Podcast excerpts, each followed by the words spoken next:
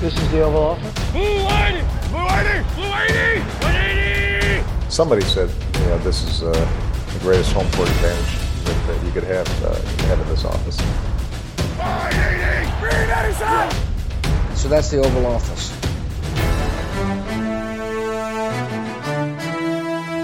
Andy Dalton blev bænket, og trade deadline det blev lidt af en fuser. Velkommen til denne udgave af Det Ovale Kontor. Optaget onsdag den 30. oktober, lidt over 6 om aftenen. Jeg hedder Mathias Sørensen, og med mig har som altid Thijs Joranger. Hej Thijs. Hej Mathias. Du plejer at sidde til venstre for mig. Det gør Ja. du ikke i dag, det skal jeg lige vende mig til. Jeg har også øh, Anders Kaltrup med mig her, Anders. Hej Mathias, det skal du passe på med, fordi hvis du kigger på mig og siger hej til Thijs, så bliver han forvirret. Det kom jeg til at gøre. Da jeg var vært, der kiggede Ja. jeg på Mark og sagde hej til Thijs. Ja. Det, det Ej. duede ikke. Ja, det er også tavligt. Jeg, jeg er ligesom NFL-forsvarende med Mahomes kig væk, Finder. Jeg, jeg kan heller ikke. Nej, præcis. Jamen, øh, vi har jo sat os ned her for at gøre det, vi plejer at gøre hver uge, nemlig lave en optakt til spillerunde 9 i NFL. Inden vi gør det, skal vi lige snakke lidt om sidste uges kampe, og øh, vi skal også snakke lidt om trade deadline. Der skete lidt, men ikke så meget i går tirsdag, hvor der var et deadline day. Øh, det blev lidt af en fuser, men øh, det kan vi jo så vende lige om et øjeblik. Inden da skal jeg fortælle, at vi jo i denne sæson er bragt i samarbejde med Oddset fra Danske Spil.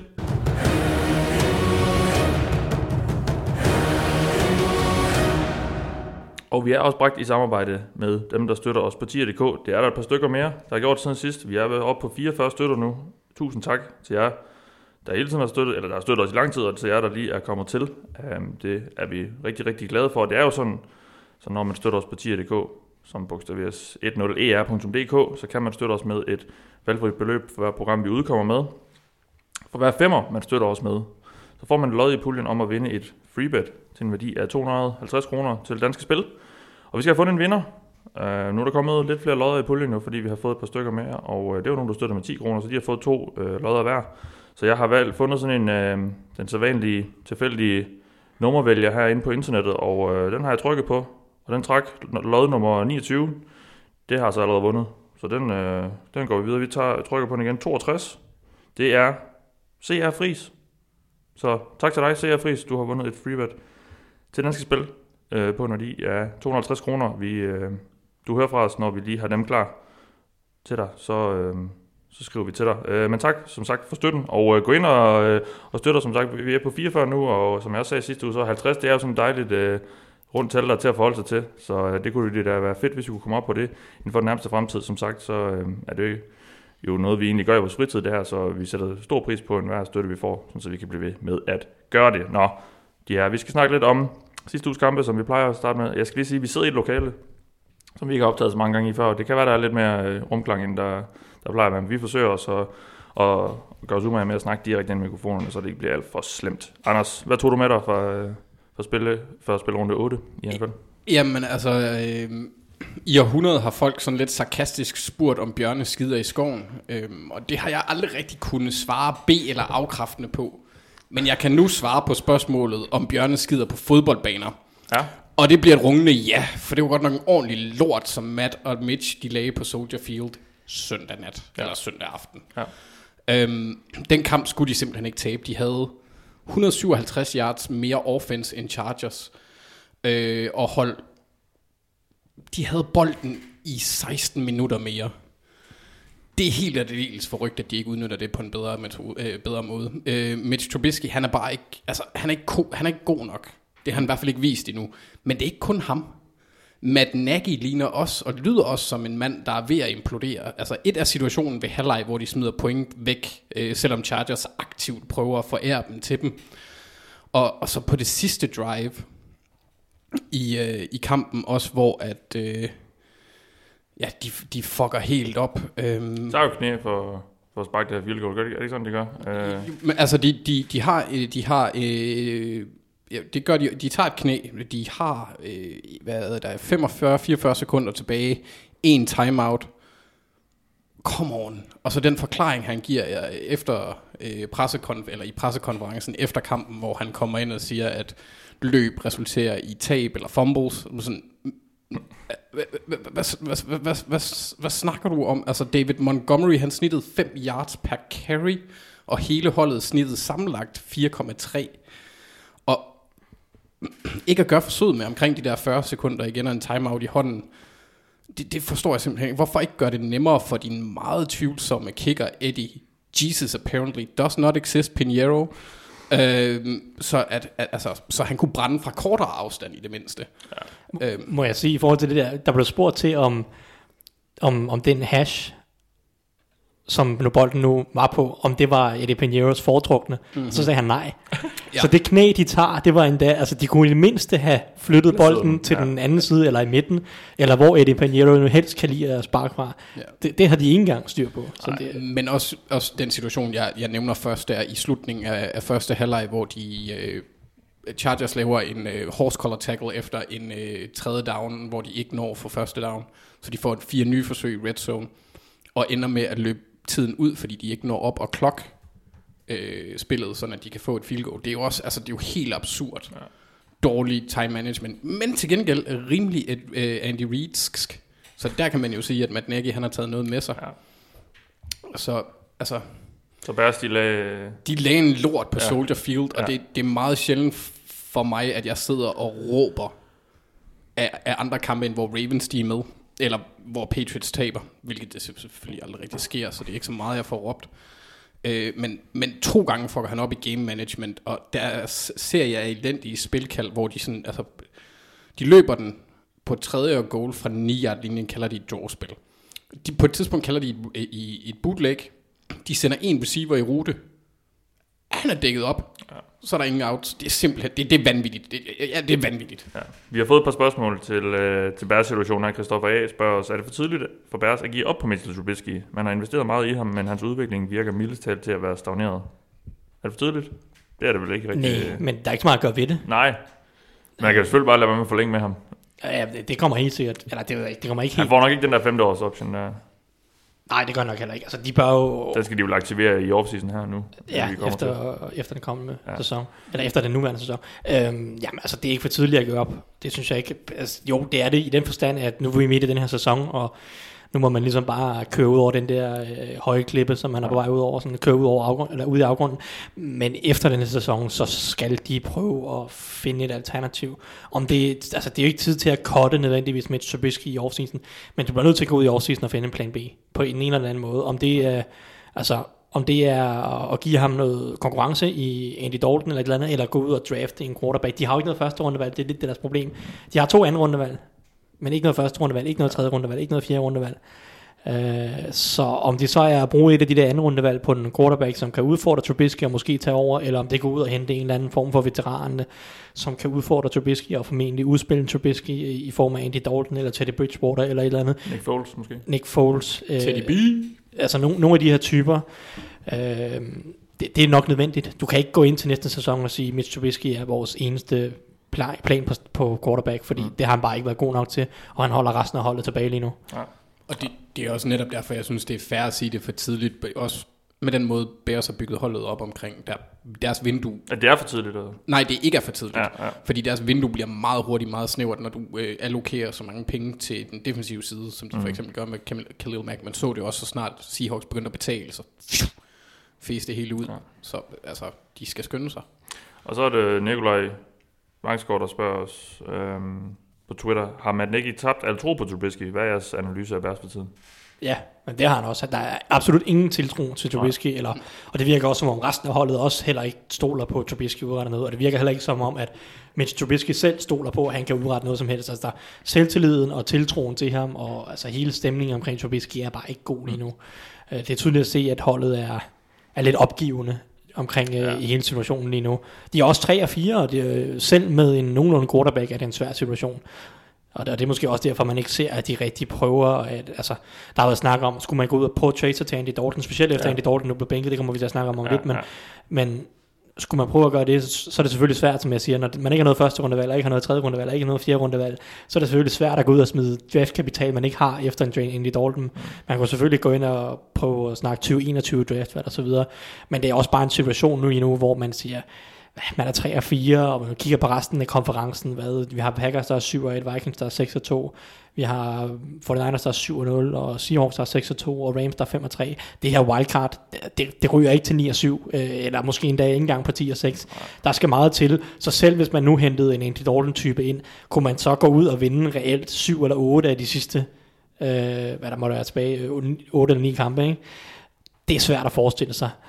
Øh, så, så, så ja, den her sæson må man bare sige, okay, vi kører ud over afgrunden med Trubisky, og så må man kigge på det i offseason. Og som vi snakker om sidste uge, så er Matt Nagy er jo ikke på den måde øh, synonym, han har sagt, med, med, med Trubisky. Altså, de, de to er ikke rigtig connected ved, ved hoften, som man, som man lidt siger på engelsk også. Altså, fordi øh, Trubisky var der jo, så ansat de Matt Nagy øh, året efter.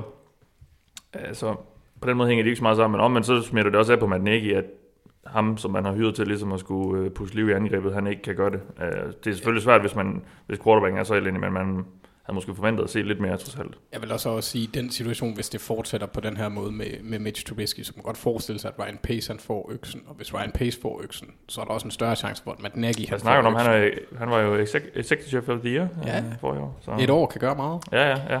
Men det er interessant med Matt Nagy, fordi han er jo lidt svær at vurdere på en eller anden måde, for som du siger, han laver umenneskeligt mange fejl i Chargers-kampen, og har også Ja, de har, han har kaldt nogle dårlige kampe ja, også, altså i, i, i, i forrige uge, øh, hvor de, det var, må have været mod Saints, hvor de slet ikke løber bolden overhovedet, og, og det er klart, der er ikke nogen, der siger, at de skal løbe bolden meget, men når du har Mitch Trubisky rendende rundt på quarterback, så kan du ikke bare ignorere løbespillet. Man kan ikke kaste den 52 gange med ham. Nej, og, og løbe den med fem gange med Montgomery. Der vil jeg faktisk eller- gerne have nogen til at løbe. Ja, præcis, når man har Trubisky. For gangs skyld. Ja. Så, så, så det er klart, at han har også nogle ting, som han, han skal bevise sig på på en eller anden måde. Uh, jeg synes stadig, at Matt Nagy er en forholdsvis dygtig offensiv koordinator langt hen ad vejen, men lige nu der er hans lederevner og hans evner som beslutningstager og motivator på en eller anden måde, måske lidt et, et spørgsmålstegn og et, måske endda et problem, som han skal på en eller anden måde finde en løsning på, fordi lige nu der ser det ikke godt ud, og det er trods alt en ret stor del af at være head coach. Lad os få dit take, øh, Thijs, på sidste uge. Ja, mit take er ikke, øh, ikke noget stort, det vil sige, jeg, bare, jeg kan bare ikke stole på Buffalo Bills, må jeg indrømme. Øh, vi har hele tiden siddet og sagt, okay, altså, de er 5 og 1, eller 5 og 4 og 1, eller hvad de har været, og, og det er solidt, de har et forsvar, og så videre, så videre. Men jeg synes også nu, at vi de sidste par uger har fået bevist, at de er ikke mere end det. De har et solidt forsvar, og det forsvar har han sådan dag ikke engang været så godt de sidste par uger. De tillader næsten 400 yards til, til Miami Ducking Dolphins, ikke? Og, og så øh, i den her uge bliver de løbet midt over af Eagles. Og, og, der begynder at være nogle svagheder, synes jeg, mest på alt på den defensive linje. Den, den er ikke den er ikke helt god nok, synes jeg, i forhold til, hvad- hvor den burde være, hvis man vil være et rigtigt topforsvar. Øh, det er stadig top 10 forsvar, men, men de kan ikke helt blive skire med de allerbedste. Og det er der lidt brug for, fordi offensivt, der, altså, der, der kommer bare ikke nok ud af Josh Allen. Det er en svær kamp i den her kamp i, i weekenden med, mod Eagles, hvor det blæste en halv pelikan eller Ja. eller andet. Og Dem er der et, par kampe af hvert år i Buffalo, synes jeg. det, de det er der, der er altid nogle, nogle, nogle sjove øh, værsituationer, og det blæste rigtig meget, og derfor er det selvfølgelig også svært at bebrejde ham alt for meget for ikke at ramme på noget. Men vi har også bare set de andre uger, og så det jeg mest af alt synes er problemet her med, med, med Josh Allen, det er, hans fejl er simpelthen for store. Der er lidt James Winston over nogle af de der, der er simpelthen nogle utilgivelige turnovers, der sætter hans hold eller i, i, nogle, i nogle meget svære situationer. Her den her kamp mod Eagles, den står 7-3 kort inden pausen, og, og Bills har en chance for at øh, have 20 minute drive og sætte nogle ekstra point på tavlen her til sidst. Så fumbler han bolden forholdsvis umotiveret på en tredje down og to øh, på egen banehalvdel. Og det sætter ligesom Eagles i gang, og derfra der ser de sig ikke tilbage, fordi når Eagles først, da Eagles først fik forspringet, så committed de ret meget til løbet, og så viste det sig bare, at, at netop den her Bills defensive linje, de kunne ikke matche Eagles offensive linje overhovedet, så blev de løbet midt over. Og når forsvaret ikke er super dominerende, eller 49ers, eh, Patriots, eller måske endda heller ikke engang nærheden af det, så er det bare svært, når quarterbacken laver sådan nogle monumentale fejl, og samtidig ikke producerer nok rundt om de der fejl. Fordi det, det er jo det sjove med James Winston. Han laver nogle umanerligt mange fejl, og også for mange fejl til det sådan rigtig bliver op. Men han laver også nogle rigtig, rigtig gode spil, og flytter bolden ret effektivt. Og, og selv den del af det har Josh Allen, altså der, der mangler han stadig noget på en eller anden måde. Øh, og det er ikke fordi Josh Allen er en udulig quarterback, han er bare ikke der endnu, og det kan godt være, at han kommer det, men han er bare ikke der endnu, hvor at man kan sige, at Bills er noget, der er værd at stole på, synes jeg. De er, de er 5 og 2, og de har stadig en god chance for at komme på slutspillet, men det er svært at se dem rigtig lave ravage i slutspillet på nogen som helst måde, må jeg indrømme. Og de kan også godt kollapse, øh, så at sige. Nu har de et forholdsvis let program, men de kan godt kollapse. Så mere solidt er holdet heller ikke, øh, synes jeg. Nej.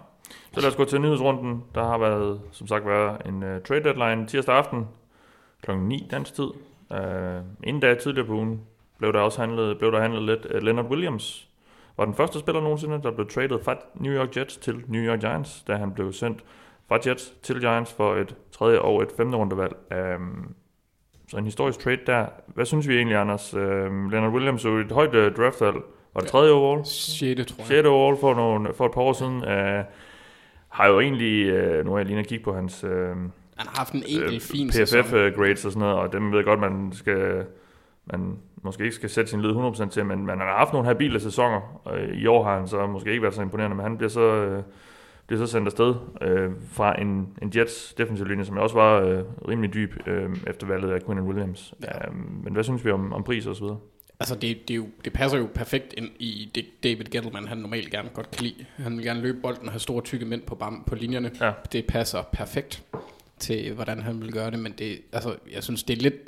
I forhold til den hype, der var omkring Leonard Williams som op til draften, da han blev taget, hvor han, mange snakkede om ham som første valget overall. Ja, altså bedste spiller i draften, var der mange, der sagde dengang. Altså, det, det, han er den der...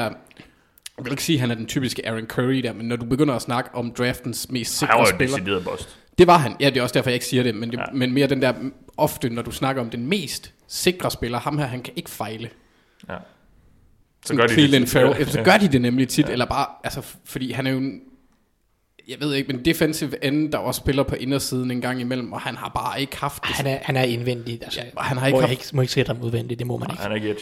Nej, og så bliver det problematisk, fordi der har de jo BJ Hill og, øh, Ja, Dalvin Fatty, Tomlinson og Lawrence, uh, Dexter Lawrence, ikke? der var du, Dexter Lawrence. De har, det, det, det, det der er sjovt. Fat, fattig. Lions har ikke, undskyld, Giants har ikke brug for en indvendig defensiv linjemand.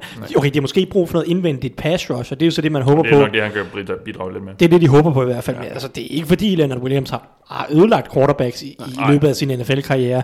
Og altså, jeg synes, at det er lidt højt at give et tredje og femte rundevalg. Det må jeg indrømme fra Giants side. Kan fordi, det ikke også blive til et fjerde rundevalg, hvis de signer ham? Jo, hvis de forlænger, ja, Ja. ja. ja, ja præcis. Og det er, så, det er så endnu mere, fordi Jets har jo nok haft synspunktet af, at de, hvis de lader ham gå i offseason, så får de et compensatory pick på en eller anden måde. Men jeg tror ikke, at Leonard Williams stod til at få en kontrakt, der hed et tredje rundevalg compensatory. Det tror jeg virkelig ikke. Altså, jeg er ikke engang sikker på, at det bliver et synes, rundevalg de- compensatory. Ja, jeg synes, de der, de, får, dem, de der topvalg der fra draften. Ja, det, hjæl- det hjælper, at han blev draftet. Men Altså, altså, fordi der, der skal nok være nogen, der vil smide penge fra ham. Jeg tænker, at der er større sandsynlighed for, at han får en etårs kontrakt, der ligger i mellemlaget for defensive ends. Ja, sådan en, prove it deal. Det er jo så det, Giants får nu, hvis de ikke øh, forlænger med ham. Ja, Ja, og, ja, ja, ja men, men, men altså, så et tredje runde, fjerde og fjerde, og det vil så sige tredje rundevalg for, for Giants. Nu ved jeg ikke, om det er deres eget, som de giver væk, men det er jo et halvhøjt tredje rundevalg. Mm-hmm. Og så et fjerde rundevalg, som så sandsynligvis også vil være deres eget. Det er et halvhøjt fjerde rundevalg. Jeg synes, Jets har virkelig, virkelig fået noget af det her. Det er virkelig, virkelig en god trade for deres side. Fordi Jets har også mange indvendige defensive linjefolk, der kan, der kan bidrage. De har mange gode spillere derinde.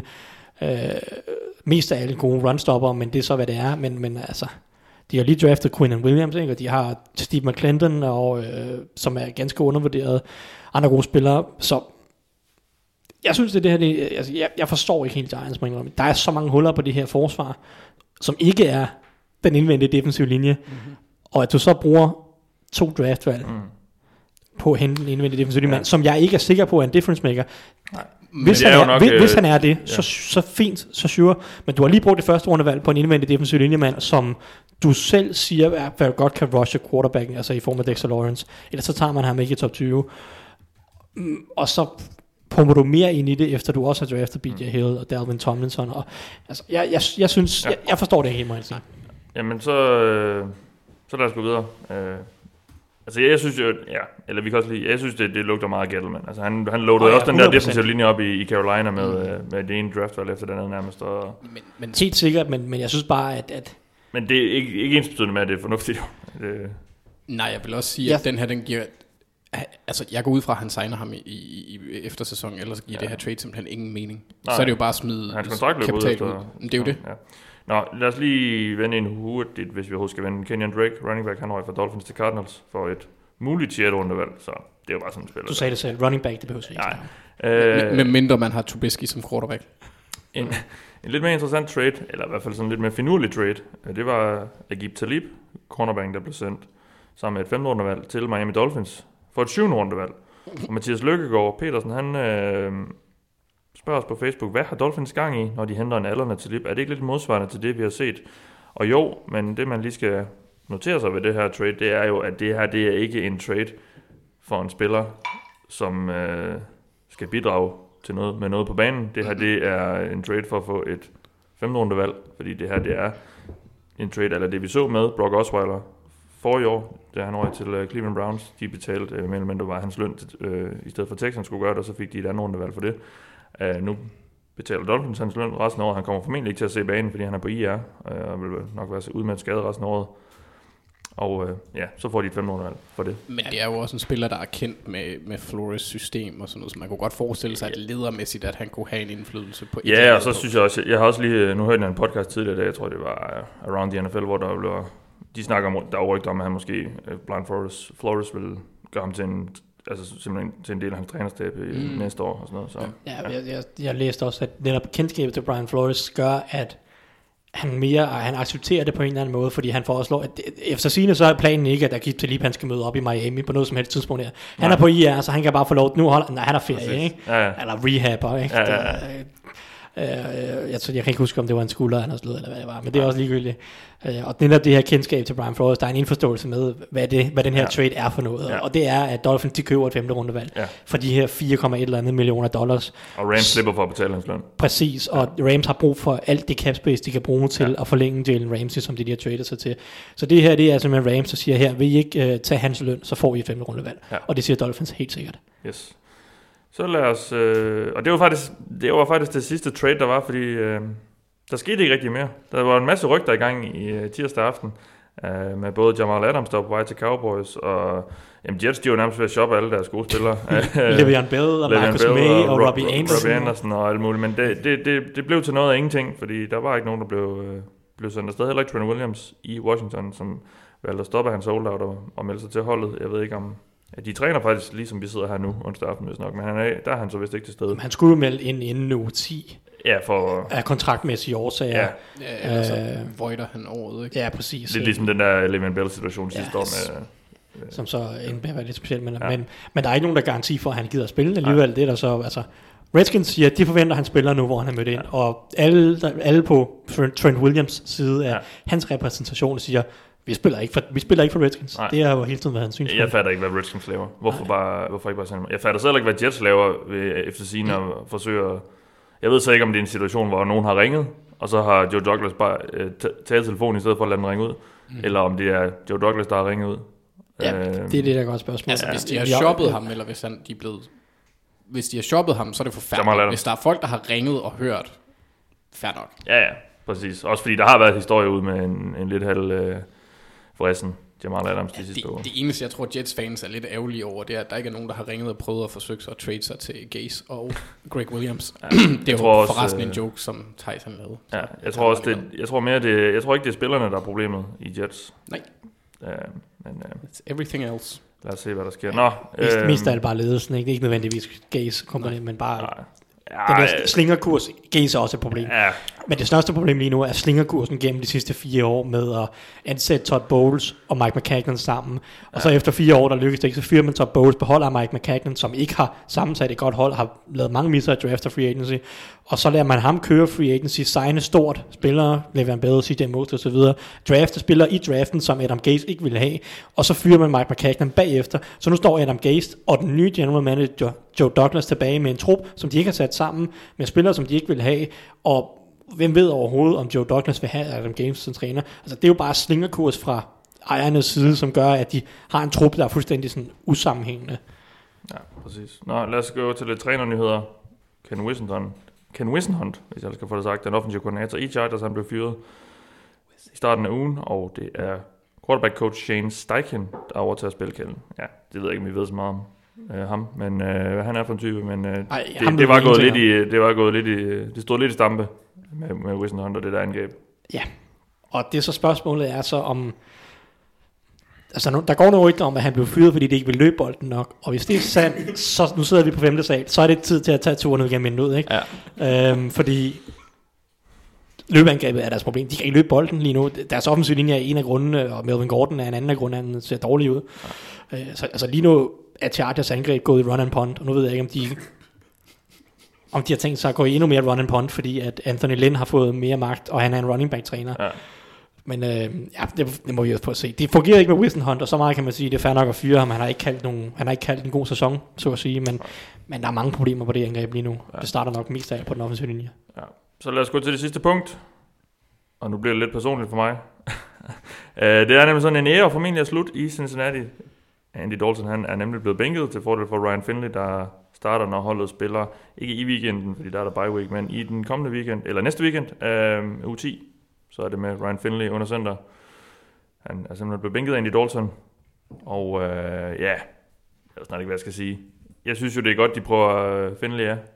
Ja. Men øh, ja, altså, Men det er jo også en sæson, hvor at der er ikke noget at tabe, så Nej. du kan jo lige så godt. Og Finley, han er ikke den yngste rookie, du kan finde. Han Nej, bliver og- 25 i december. Og han er heller ikke udråbt til at være nogen frelser. Han er blevet valgt i hvad, fjerde runde. Ja. Ja. Så det er jo bare for at se, hvad han kan. Øh, Men det er da lidt sjovt, at- altså, at Andy Dalton, som, og det er jo et meget, altså, han har jo været fast starter, siden han, siden han blev draftet, og, øh, og, og, og, var jo med til ligesom at, at gøre holdet relevant igen, efter øh, nogle, nogle lidt øh, svingende år under Carson Palmer, og så fyrede de lige, så gik der lige et par år, tror jeg, med, men så fyrede de fem år i træk, hvor de kom i slutspillet, og, Mm. og det kumulerede jo så i 15, hvor det så rigtig godt ud, indtil han så blev skadet af en Dalton. Og øh, ja, så tabte de den her forfærdelige kamp til Steelers. Øhm, men han ser færdig ud i, i Dalton, øh, i Cincinnati Dalton. Øhm, Ja, han, øh, han har kontrakt næste år, men må ikke det her, det betyder, at de... Bengals kan fyre ham kvitterfrit. Ikke? Præcis. Så, så han er færdig, og Be- Bengals kommer jo til at have top 3 valg til at tage deres fremtidige ja. franchise quarterback. Med al sandsynlighed i hvert Ja, fald. Det, ja. det, det må de ikke lade være med. Nej, sige det nej, sådan. nej, nej, Så, så det er selvfølgelig... Dalton har gjort mange fine ting for Cincinnati. nej. Ja, Han har også været en hemsko i nogle sæsoner, men, men, men altså, så er han heller ikke værre. Altså, det, der er nogen, der synes, at gør Andy Dalton værre, end han egentlig har været. ja. Der er så også nogen, der gør ham bedre, end han egentlig har været. Ikke? Øh, det, det er sådan lidt hele Andy Jordan. Øh, Altså som, som, som jeg sagde, så synes jeg, han, har gjort, han gjorde holdet relevant i en årrække, men han kunne så heller ikke, han formåede så heller aldrig nogensinde at, at tage det der næste skridt, altså fra slutspillet, og så, eller ja, fra første runde i slutspillet og så videre, fordi de tabte, hvad, de, der, de tabte jo samtlige fem år, øh, og har ikke vundet i slutspillet siden hvad, start 90'erne eller slut 80'erne eller sådan noget. Så, så det blev jo aldrig rigtigt til mere, men man blev ved med sådan, ligesom at se nogle, nogle lovende ting også, fordi når han havde de her, når han havde et godt hold omkring sig, det havde han jo i flere sæsoner, så, så så det jo ret godt ud, men det viste sig også bare, at det var meget det, der skulle til. Altså han, det var ikke rigtig ham, der løftede øh, holdet, det var mere holdet, der løftede ham. Det er nok også derfor, at han, han kommer nok til at få en chance mere Ja, i NFL et eller andet sted. Ja. Netop et hold, der har der tror på, at de på en eller anden måde kan bygge noget op om en erfaren quarterback. Ja. Han kommer nok ikke til at få en stor kontrakt, og der er nok heller ikke nogen, der kommer til at commit til ham i sådan over en længere periode. Men et hold, som ikke er i en position nødvendigvis til at drafte en ung quarterback, Mm. øh, men stadigvæk føler, at de godt kan være konkurrencedygtige på en eller anden måde. Joe Flacco-situationen med den var i år, for eksempel. For eksempel, øh, og der, der har nu har vi allerede nævnt Bære, så det er en, en Ja. mulighed. Sådan et type hold, ikke? Og jeg synes heller ikke, Dalton er problemet i år. Altså selvfølgelig har han ikke set Det godt synes jeg ud. heller ikke. Han, er, han er ikke. Det har ikke set godt ud, men, men, men det er ikke ham, der er problemet. Altså det er, at der ikke er nogen linje, og, og han har jo tydeligvis, det tror jeg, jeg kan huske, vi snakker om det, da mikrofonen var tændt eller slukket sidste uge, øh, Thijs, men altså han har jo bare mistet troen på, at han bliver beskyttet, og altså han... han Det har aldrig været hans styrke at håndtere presset, Nej. så det, er det værste, du kan gøre, det er at give ham en linje, der ikke er eksisterende. Ja, Ja. Altså, give ham en nogenlunde offensiv linje, så skal han nok kunne altså, gøre noget med dit angreb. Det, er ikke, det bliver ikke et top 5 angreb eller top 10 angreb, men det er heller ikke et forfærdeligt angreb, hvis. Andy Dalton har en offensiv linje og bare et, et, har enkelte våben at kaste efter. Det skal jo så også siges, at Bengals har forsøgt at give ham den offensive linje. De har bare misset på de valg. De har misset på, var det Obey, de to i første Ja, runde, og så Jake Fish, Jake Fish ja. og, og uh, Brian Price. Billy Price. Billy Price, det er Brian, Brian Rice. Brian Rice. yes. Ja. No promises. Øh, men ja, ja, men præcis. Ja, igen. Vi bliver ved med det. Jeg, jeg, jeg kan ikke stoppe. Men, men ja, det, altså, så de har jo givet, gjort forsøget, så det er jo også endnu... Ja, Au, mm, de har gjort forsøget, de har bare ikke været særlig grundige i det. Ej, det, hvad De- var det? de det var, sidste- de det var sidste- i 14, de, de draftede hvad? Ogbuehi og Fischer i 14 eller 15. Ja. Og man kunne se efter halvandet år, de var bundelendige. Det Ja, gjorde ja. de ikke noget ved. I stedet så sendte de Witt, øh, Andy Whitworth ja, og, og og. Kevin Seidler ud. Og så draftede de Bi- Billy Price. Langt om længe sidste år gjorde de endelig noget. Øh, Så Jonah Williams, også. som så- skadet, så- Og så tog man en elendig spiller, og så tog man Jonah Williams i år, som han var skadet. Det er uheldigt, ja. Mm. Men Billy Price, han, sagde, han, er, han er ikke god. Plus man gav Bobby Hart en forlængelse, så der er sådan, Ja, man har prøvet lidt, og så har man stadig taget ufattelig mange dårlige valg ja. øh, kombineret med det, så det er sådan lidt et, et mismask af en masse ja. mærkelige beslutninger. Og, og Billy Price var også skadet og sådan noget. Altså, så, så de har været rigtig uheldige, men de har også været dårlige ved at, at vælge nogle dårlige spillere. Ja. Og, og det er de der det er dårlige, der, kritikken og det. Ja, og det er jo de der dårlige draftvalg, og det ved jeg godt, det er lidt lotteri, altså man, det, er, det er svært at ramme på dem, men, men, de, men de, de valg der er Ogboe og Fischer, der hjemsøger dem nu, fordi det har bare sat den linje så langt tilbage, når man så vælger især at sende sine to bedste spillere væk Og så er øh, det kort efter, særligt ekstra, og satse på dem. ja, ekstra slemt, når, det er, når Bengals er, altså investerer så lidt i deres scouting department i forhold til andre hold. Ja. Ja. Hvor, altså, der, Mike Brown, han skal, han skal, han skal snart over øh, spøgelsesfars skød og få noget spanking. Han, han sidder ikke, øh, fast. Han, ja, men jeg ved sgu ikke engang, om hans, øh, om hans øh, søn er ret meget bedre. Altså, eller datter, eller hvem er det? Er det Blackburn? Ja, Katie det er Blackburn. datteren, og så, Ja. ja. ja. Men jeg kunne godt forestille mig, at de kører, de, de har lært The Paul Brown Way, og det er den, de holder sig til, det er den, de Ja, ja. kører, og den fungerer bare Jeg måske synes, ikke. og jeg synes også, man har set nogle, man har set nogle nye strømninger med, at de har... Sidste år traded de sig til Cordy Glenn, det var så, så heller ikke super godt, men der gjorde de det mindste noget, mm. og, og man...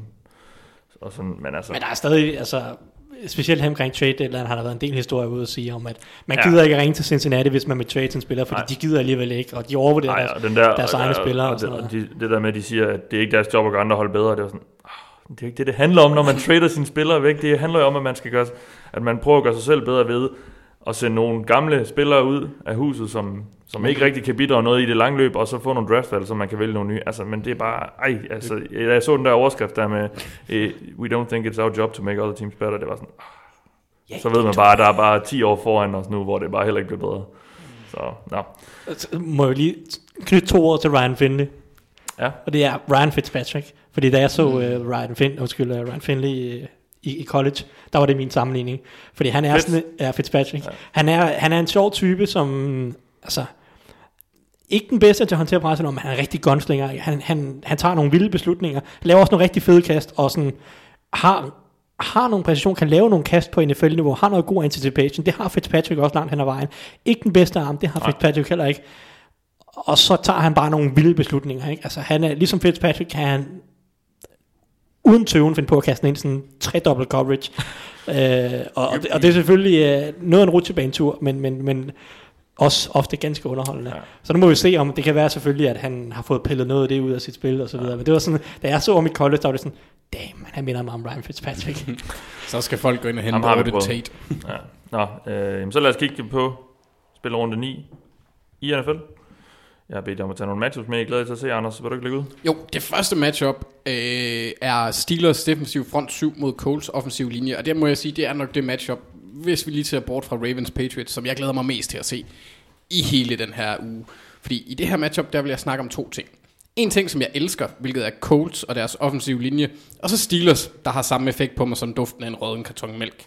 Selvfølgelig er det en karton mælk, som jeg, jeg respekterer dybt, men det er stadigvæk en karton mælk, der er råden. Øh, og det bliver et virkelig, virkelig fedt matchup, for det er to rigtig stærke grupper, der tørner sammen. Øh, Steelers, de har ligaens tredje bedste pass rushing defensive line, ifølge DVOA, og det, det har noget med effektivitet at gøre, tror jeg. Det forklarer vi ikke igen. Nej, okay, sorry, godt. Øh, mens de ligger i midterfeltet i forhold til løbestof, stop, hvilket jo er, er en ret god ting, når de møder Colts. Ja. Øh, de har øh, dejlige Ironhead Jr., øh, som er Cam Hayward, og TJ Watt, der er playmakers. Det Colts har på den modsatte side ligaens 8. mest effektive linje i pass protection. De har kun opgivet 11 sacks, og de er 9 i short yardage løb. 9. i short yardage løb. Så når linjen skal vinde, så er den pænt god til det. Øh, de har Anthony Castanzo, der er en undervurderet, undervurderet left tackle, og så øh, alles yndling, eller i hvert fald min Quentin Nelson, der bedst kan beskrives som Hulk, når han er sur, men ikke et Nordens Hulk eller Mark Ruffalo's Hulk. Det er Eric Banners monstrøse, kæmpepandede Hulk. Det er ham. Dem glæder jeg mig til at se støde hovederne sammen. Hvorfor lige den? Fordi at øh, Quentin Nelson, han har et ret sådan firkantet pandet hoved, som minder meget mere om den Hulk, der var i den, øh, den tidlige, den med Eric Banner. Ja. Så det er bogstaveligt talt, fordi han er mere fladpandet. Hvad så med Hulk i den seneste i, uh, Avengers? I, i den sidste Avengers, hvor han er sådan, hvor han jo er, øh, hvor han jo er, øh, altså hvor han ikke er sindssyg hele tiden, hvor, men hvor han stadig er grøn og hulket. hulket. Jamen det, det jeg, jeg vil sige Ja, en kunne det ikke være- kombination, det ikke være kombination? sjælen fra ja. den Hulk over i kroppen på den gamle Hulk, der Okay. er dårligt animeret, så giver det en bedre sådan, Okay, så okay. passer den. Ja. Men, jeg, men jeg, jo, jeg har ikke set den nyeste Avengers, så det kan Nå, være der. okay, men der er han jo, ja, okay. Ja. Så er det ikke spoil nu for dig. Nej, jeg, jeg, jeg, jeg, altså, Fordi der er han Bruce Banner Ja, ja. I, øh, i, i sind, men, øh, Men Hulk i fysik. Hulks krop, ja. Ja, men det, Godt nok det, lidt mindre, men ja. Åh, skuffende. Ja, det, det, det, er derfor, han ikke best of both worlds. og så går han ikke kun i lilla shorts. Okay, det, det synes jeg faktisk er for dårligt. Ja, det er faktisk. Nå. Var det det? Ja, det er Ja. dem, jeg glæder mig til at se. Så lad os høre dig, Thijs. Ja, jeg vil faktisk lige sige, det, det, jeg synes, det er mega sjovt med, med Watt-brødrene og Bosa-brødrene lige nu her. Ja. Fordi Bosa-brødrene, de vandt jo ugens spiller, både AFC og NFC den her Ja. uge. Hos PFF, der er TJ Watt og JJ Watt, de to højst rangerede edges. Altså, Ja.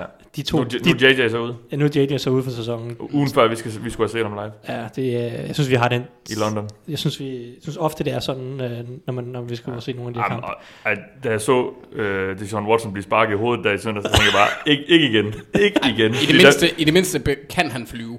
Er jo, men, nu, Men vi har, vi har siddet Vi i sad- Baltimore ja. ja. og set uh, Ryan Mallett spille mod uh, Tom. Sa- Tom Savage. Ja. Ja, Uh, altså, da både Flacco og Deshaun Watson var ude, eller jeg ved ikke, altså, det var, det var Ja, ikke det mest men, inspirerende. han, men jeg læste lige, Rappaport skrev, han bliver klar, hans, hans øje er hævet, så han kommer ikke ud og laver et eller andet tos inden uh, Astros, de skal spille i World Series i aften.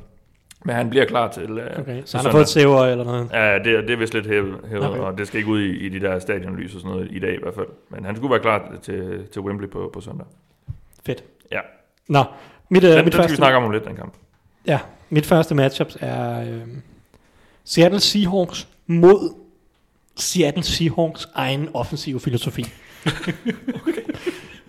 Fordi Ja. at Schottenheimer mod... Schottenheimer mod Schottenheimer. Ja, langt hen ad vejen. Eller så er det Schottenheimer mod Pete Carroll, eller det kan jeg ikke helt finde ud af. Det, det, det, det, det finder vi ud af. Men nej, øh, Seahawks, de er, de er glade for at løbe bolden, og måske også lidt for glade. Det har jeg nævnt et par gange. Men den her uge er de over for et uh, Tampa Bay Buccaneers hold, som er rigtig, rigtig dygtige til at stoppe løbet. Klart ligaens bedste. Har lukket det ene løbeangreb ned efter det andet. Og kombineret med det her rigtig gode løbeforsvar, har de et rigtig, rigtig dårligt kasteforsvar. Et af de fem dårligste i ligaen. Og please, Seattle Seahawks, lad nu være med at gå ud og bare tonsen op igennem midten mod det her forsvar. Som de lidt gjorde mod Atlanta Falcons, i hvert fald i anden halvleg, fordi i, sidste, i den her weekend, som de lige har spillet, der var de foran 24-0 ved pausen mod Atlanta Falcons, og de kunne absolut ikke dække Tyler Lockett op. Uh, Russell Wilson og Lockett, de hyggede sig, som de plejer. For øvrigt kunne det være mega fedt at se Tyler Lockett i et angreb, som rent faktisk kaster bolden meget, fordi han har været ligaens suverænt mest effektive receiver gennem de sidste mange år. Eller ikke mange år, de sidste to år. Um, Nå, det er en anden ting. Men altså, så de går de ud i anden halvleg, og går fuldstændig i stå. Ikke fordi de, ikke, det er ikke fordi, de nægter at kaste bolden, men de løber den bare lidt for meget, og så er der også nogle problemer på en offensiv linje, vi kan snakke om, men, men det her, altså den her mentalitet, og nu er vi foran 24-0, nu skal vi bare løbe bolden, og så er det ligegyldigt og sådan noget. Og så kommer Matt Schaub ud, fordi problemet for Seahawks med den her filosofi er også, at deres forsvar er ikke specielt godt. Det, det er ikke det her forsvar, som uh, lidt, uh, hvad hedder det, Legion of Boom, uh, Doom, Boom, må det være Boom, Legion of Boom, tilbage fra, uh, fra, fra, fra, fra fem år siden, hvor at de kunne tillade sig at løbe bolden rigtig meget, og fordi forsvaret ikke lukkede så mange point ind. Det er deres forsvar slet ikke lige nu. Matt Schaub og Gaster, hvad der, var han over 400 yards, eller, eller, eller noget i den stil? Mm, Øh, og- det mener jeg faktisk, ja. Og i mange af de andre kampe har vi set det her forsvar. Det er virkelig til at tale med. Både op foran og nede bagved. De mangler noget pass rush, og cornerback-gruppen er tvivlsom. Og, og så går de ud her i anden halvleg, og så lige pludselig kommer Matt Schaub lidt i gang, og så fokuserer de stadig meget på løbet, og så går de helt i stå. Altså, og, og Falcons er det samme. Falcons har en skrækkelig secondary, og har slet ikke kunnet stoppe kastet. Min håb er bare i den her uge, at Seahawks de ikke går alt for løbetung, fordi det tror jeg bliver farligt. Fordi Tampa Bay Buccaneers de er endnu bedre til at stoppe løbet. Altså virkelig gode til at stoppe løbet. Og andet er, at Tampa Bay Buccaneers kan godt flytte bolden offensivt. Winston, han laver for mange turnovers, og han har lavet, jeg ved ikke, nærmest øh, 9-10 stykker de sidste to uger, og det er selvfølgelig et problem, og hvis han gør det igen, øh, en 3-4 turnovers, så skal Seahawks nok vinde. Men hvis nu Winston kommer ud og leverer en af de kampe, hvor han ikke laver så mange dumme turnovers, så kan Buccaneers sagtens flytte bolden på angrebet, og de har nogle wide receiver, der kan give Seahawks store problemer. Så hvis Seahawks de kommer ud alt for stedigt med at løbe bolden op igennem den her gode defensive linje for Buccaneers, så kan de godt komme i problemer. Mm. Så mit, mit håb er egentlig bare, at øh, det, det er nærmest en bøn til, til Brian Schottenheimer, det er bare, giv nu Russell Wilson og Tyler Lockett lov til at kaste bolden mod den her ganske, ganske dårlige secondary, som, øh, som Buccaneers render rundt med. Det er, det er mit ønske, og, Ja. og det er det matchup. Så det er lidt en kamp mellem Seahawks og deres egen offensive filosofi. Så lad os få en mere for dig, øh, Anders. Ja, øh, Browns mod Broncos, og det her det er simpelthen et matchup, der handler om, hvem der er bedst til at være en dårlig forberedt træner. Freddie Kitchens eller Vic Fangio. Ja. Øh, Browns, de har talent på rigtig mange positioner, og kan spille godt, hvilket vi så mod Ravens. Det er måske også det eneste tidspunkt, vi har set det, men vi så det, og jeg hader det. Øh, Broncos, de har Von Miller, og kan næppe spille godt, men virker dog som et lidt mere sammenspillet hold. Altså, der bare ikke aner, hvad det laver. Øhm, og nu er Flacco-eksperimentet nok overstået, efter han har, hvad jeg mistænker, fået tæv af John Elway, og nu er skadet. Ja, det er jo en Øh. lidt spøjs situation, det der. Jeg, jeg, jeg synes, han havde ret. I Han går ud og siger efter nederlaget der til... Øh, ja, hvem var det? Colts. Coles, ja, at øh, jeg, han synes, at de, øh, han synes ikke, de spiller for at, at vinde øh, og sådan noget. De er bange for at tabe og sådan noget. Og der synes jeg, han så rimelig rask ud. Mhm. Så går der været et par timer, eller var det i mandags, så er han lige pludselig ude med en nakkeskade i 5-6 uger. Elway slapped his ass around. Øh, ja, Ja, det er i hvert fald min teori. Ja. Så må I tro på den eller være. Men det han kritiserede Fangio var fra, netop som du siger, for ikke at spille for at vinde og være for konservativ. Ja. Og det jeg tænker, de, han tænker på, det er nok, at de står på, hvad, det må være med cirka 2 minutter 20 igen, som jeg husker det, mod Colts, på Colts 40-45 yard linje eller noget den stil. Har en tredje down og 5, og Fangio vælger så at løbe bolden lige op igennem midten, får ingenting, og så ponder de fra modstanderens 40 yard linje. I en situation, hvor de netop er foran med, hvad har det været, et point eller noget. De, de er foran med en Ja. lille smule, ikke? Og, og det, det er en tredje down og 5, altså gå nu ud og kaste den bold der. Hvis du får en første down, Så er kampen slut. så er kampen praktisk set slut, så har du vundet. Og, og det, det, kan jeg sagtens følge Flagge, han har helt ret, det er kujonagtigt Og, og, og, af, af Fangio, og det er jo ikke, altså Fangio har kostet Broncos flere kampe i år, indtil videre også, altså, også bare i konteksten, fordi han har jo også ret i, det er et hold, der er 2 og 6. På et tidspunkt må de også nå til den der med, hvad, hvad så hvis vi taber? Ja. Nu har vi chancen for faktisk mm. at gå efter at vinde. Vi kan ikke stoppe dem og det er alligevel. en, en, en, en fed sejr, en stor sejr mod Coles på udebane, det havde der været, Ja. ja. det havde der, havde der været en, trods af en eller anden form for skalp, ikke? Altså, Ja, og øh, nu bliver det jo så endnu mere spændende mod, øh, mod Browns, fordi der ser det ud til at blive Brandon Allen bag center, så der kommer til at blive løbet en hel del, tror jeg. som de claimede på waivers øh, i starten af september før, før sæsonen eller sådan noget. Så, Ja. Ja, ja, ja det bliver spændende. Ja. Øh, og så kunne jeg godt, ja, jeg kunne nemlig godt forestille mig, at der vil blive løbet en hel del, og hvad betyder det så? At forsvarerne kommer til at afgøre kampen, og så er det her, hvor vi kommer ind på min banehalvdel, hvor jeg begynder at blive glad. Fordi så kommer der til at være øh, gusten forsvar, det elsker jeg. Så jeg kommer til at sidde med øjnene limet på Miles Garrett og Von Miller, der er to af spillets mest interessante og talentfulde defensive stjerner. Og jeg tror, at det bliver en, en slugfest. Og ja. jeg glæder mig faktisk rigtig meget til at se den sådan lidt mere old school Ja. fodbold. Vi har fået et Browns-relateret spørgsmål fra Rasmus Christensen på Facebook, der spørger os, burde Browns fyre Kitchens nu, eller vente til Black Monday? Virker ikke til, at han kan organisere et hold med alle de fejl og penalties, de konstant laver. Det synes jeg sådan set er en meget god observering af, af Rasmus, fordi de er lidt sloppy, Vi er meget Browns. sloppy. mm, meget, og altså. øh, det virker ikke som om, der er sådan lige styr på detaljerne. Ej, altså men Kit, de, Kit, Kitchens øh, virker til at være på dybt vand, det gør han. Burde de fyre ham nu, eller vente til Black Monday? Men de skal ikke fyre ham nu. Nej, nej, nej, nej. Skal de overhovedet fyre ham?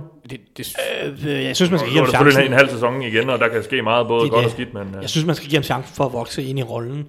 ja. Uh, uanset, altså, det, man beholdt jo Kitchens inden, eller efter sidste sæson, fordi han havde så god kemi med Baker Mayfield.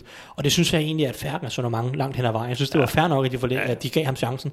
Men, men, men det er også bare et stort spring at gå fra at være basically run, running back træner direkte til at være head coach. Jeg ved godt, at han lige var offensiv koordinator en halv sæson, hvor han fik lov til at lege lidt. Assisterende head coach var han også, men det er Ja, stadigvæk bare... Men det er stadig et stort spring, og, og, og det er tydeligt at se, at, at han lige nu som leder mangler nogle ting på en eller anden måde på det her hold, fordi det er, som, som, som Rasmus siger, de laver ufattelig mange penge til de fleste i ligaen. Mm.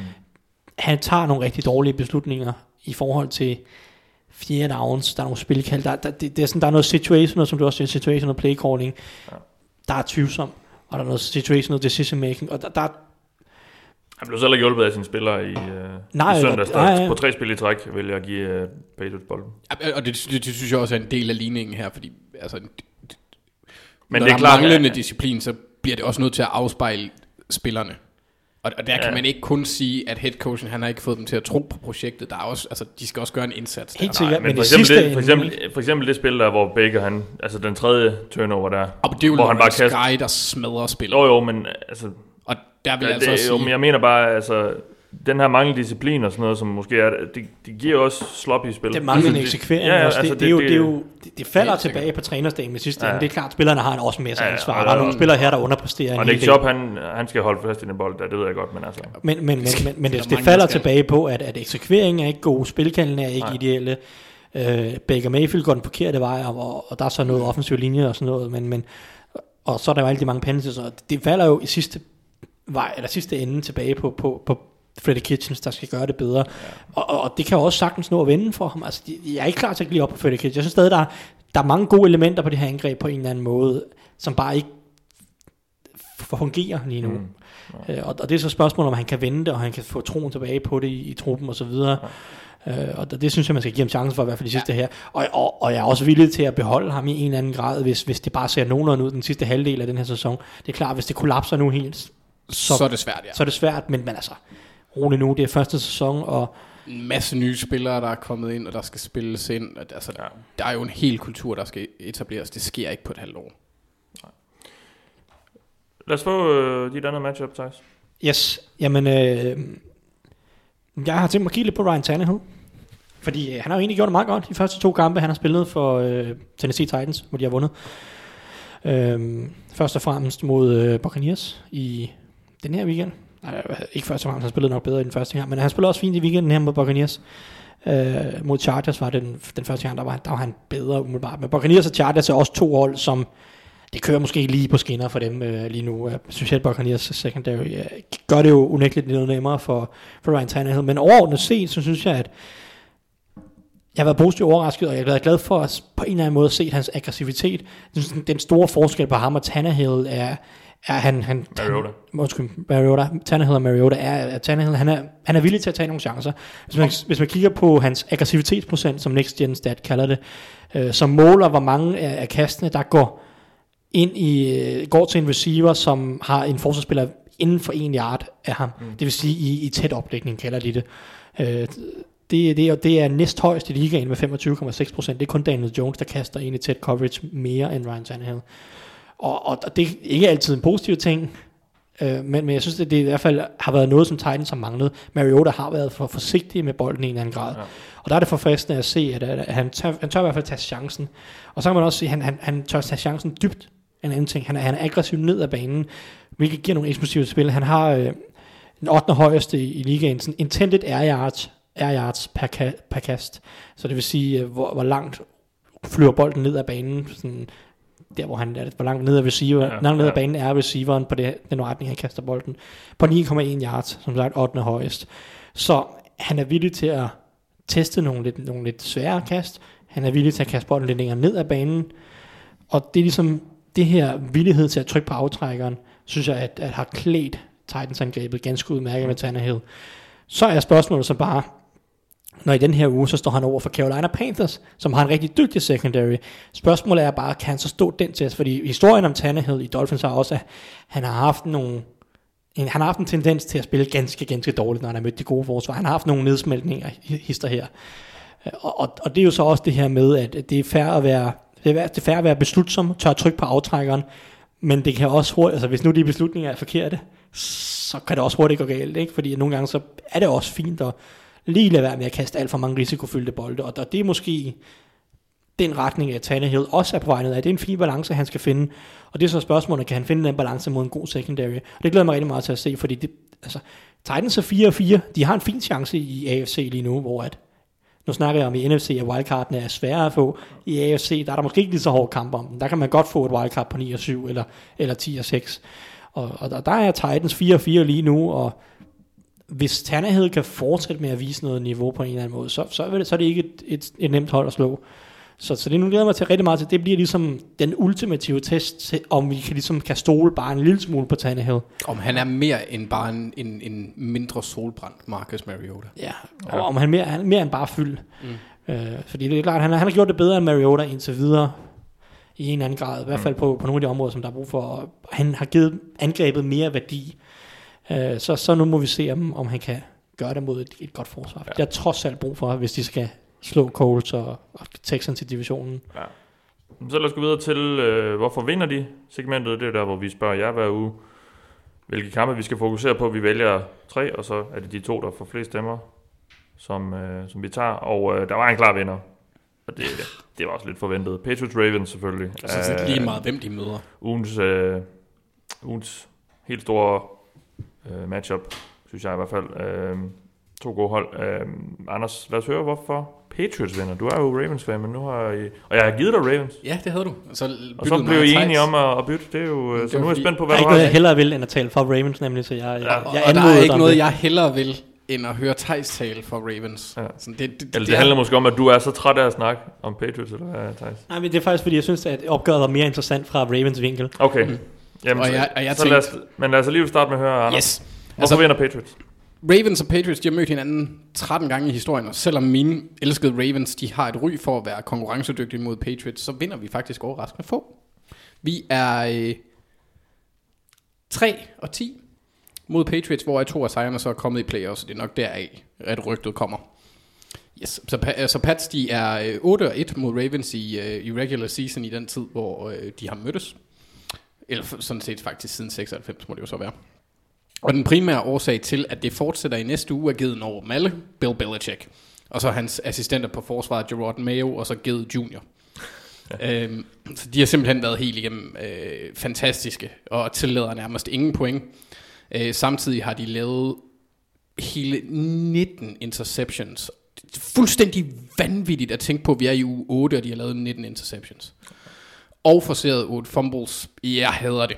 Så det her forsvar har evnen til at få Lamar til at ligne Lamar fra sidste år, og gøre ham øh, meget endimensionel med fumbles og eventuelle interceptions til følge. Det har vi ikke set så meget fra ham i år med fumbles.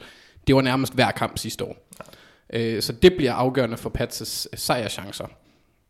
Og det gør det, øh, fordi jeg tror egentlig, at Bill Belichick han får succes med at stoppe Ravens bedste våben, og det er Lamar. Med mindre Marquise Brown er tilbage og er lidt i hopla. Fordi jeg tror godt, at han kan rykke lidt på nogle af de ting, som Belichick han vil sætte i stand for at stoppe Lamar, ja. hvis det kan lade sig gøre. Øhm, og så tror jeg, at Ravens får svært ved at finde et modsvar, hvis de to de kan holdes lidt på styr, fordi Pats er ligaens næstbedste mod tight ends, som Ravens bruger flittigt, mest flittigt i hele ligaen, sidst jeg tjekkede, øh, som vi nævnte i sidste uge, og det var der, jeg tjekkede. Mm. Så. Øh, 8. mest effektiv øh, mod løbet er de samtidig også, så det, sådan, det, det står ret godt til Patriots her på det punkt. Så Pats vinder, fordi de formår at frustrere Lamar, og dermed øh, løbe- og kastespillet på grund af Belichick, og det defensive spillermateriale, samt at angrebet, ikke, altså angrebet undgår at tabe kampen, og der er de så heldige, at de har den absolut bedste game managing quarterback i ligaen. Og det er altså ikke Brady en game manager. Jamen, det, det er det. Det er, jo, det er jo hans ypperste. Det er, jo det, det er også det, de siger ja. i alle på. Det er det ypperste, du kan som quarterback, det er at manage the game på sådan et højt, højt, højt niveau, og det gør Brady. Men det bliver også brugt lidt som sådan en... Så, Ja, så en han, slide. Han, han, han, taber i det mindste ikke kampen. For. Nej, men det er også derfor, jeg... Så Men det gør jeg, han, det er måske også det, han, det er måske også lidt den rolle, han har nu, Brady. Altså, Ja, og det- fordi det han der- er jo, øh, han øh, ser jo ikke øh, super skarp ud. Det er så måske også noget at gøre med dem, der er omkring ham. Men, Ja, øh, men jeg synes ikke, der er noget galt i at, at, at kalde ham en elite game manager. Jeg synes ikke, Nej. det er negativt, og særligt på det trin, han er i sin karriere, så er det jo absolut... det har ført til en del Super Bowl ring, må man sige. Og det er også i forhold til... Altså, han er ikke det, han har været, så det er også derfor, Nej. han er rykket lidt mere ned i... Nej, og angrebet Ja, er så også skruet anderledes sammen, end dengang Lige- man havde en Randy præcis. Moss, der kunne løbe ned og lave push-off på samtlige cornerbacks, og alligevel få lov til at gribe touchdowns. Yes. Oh, det var bittert. Yes. Uh, nå, vi har lige et par lytterspørgsmål, inden vi uh, får dit spiltip, Anders. Uh, Jonas Drue spørger os, hvor meget credit skal man give Patriots forsvar i forhold til alle de turnovers, de får forseret?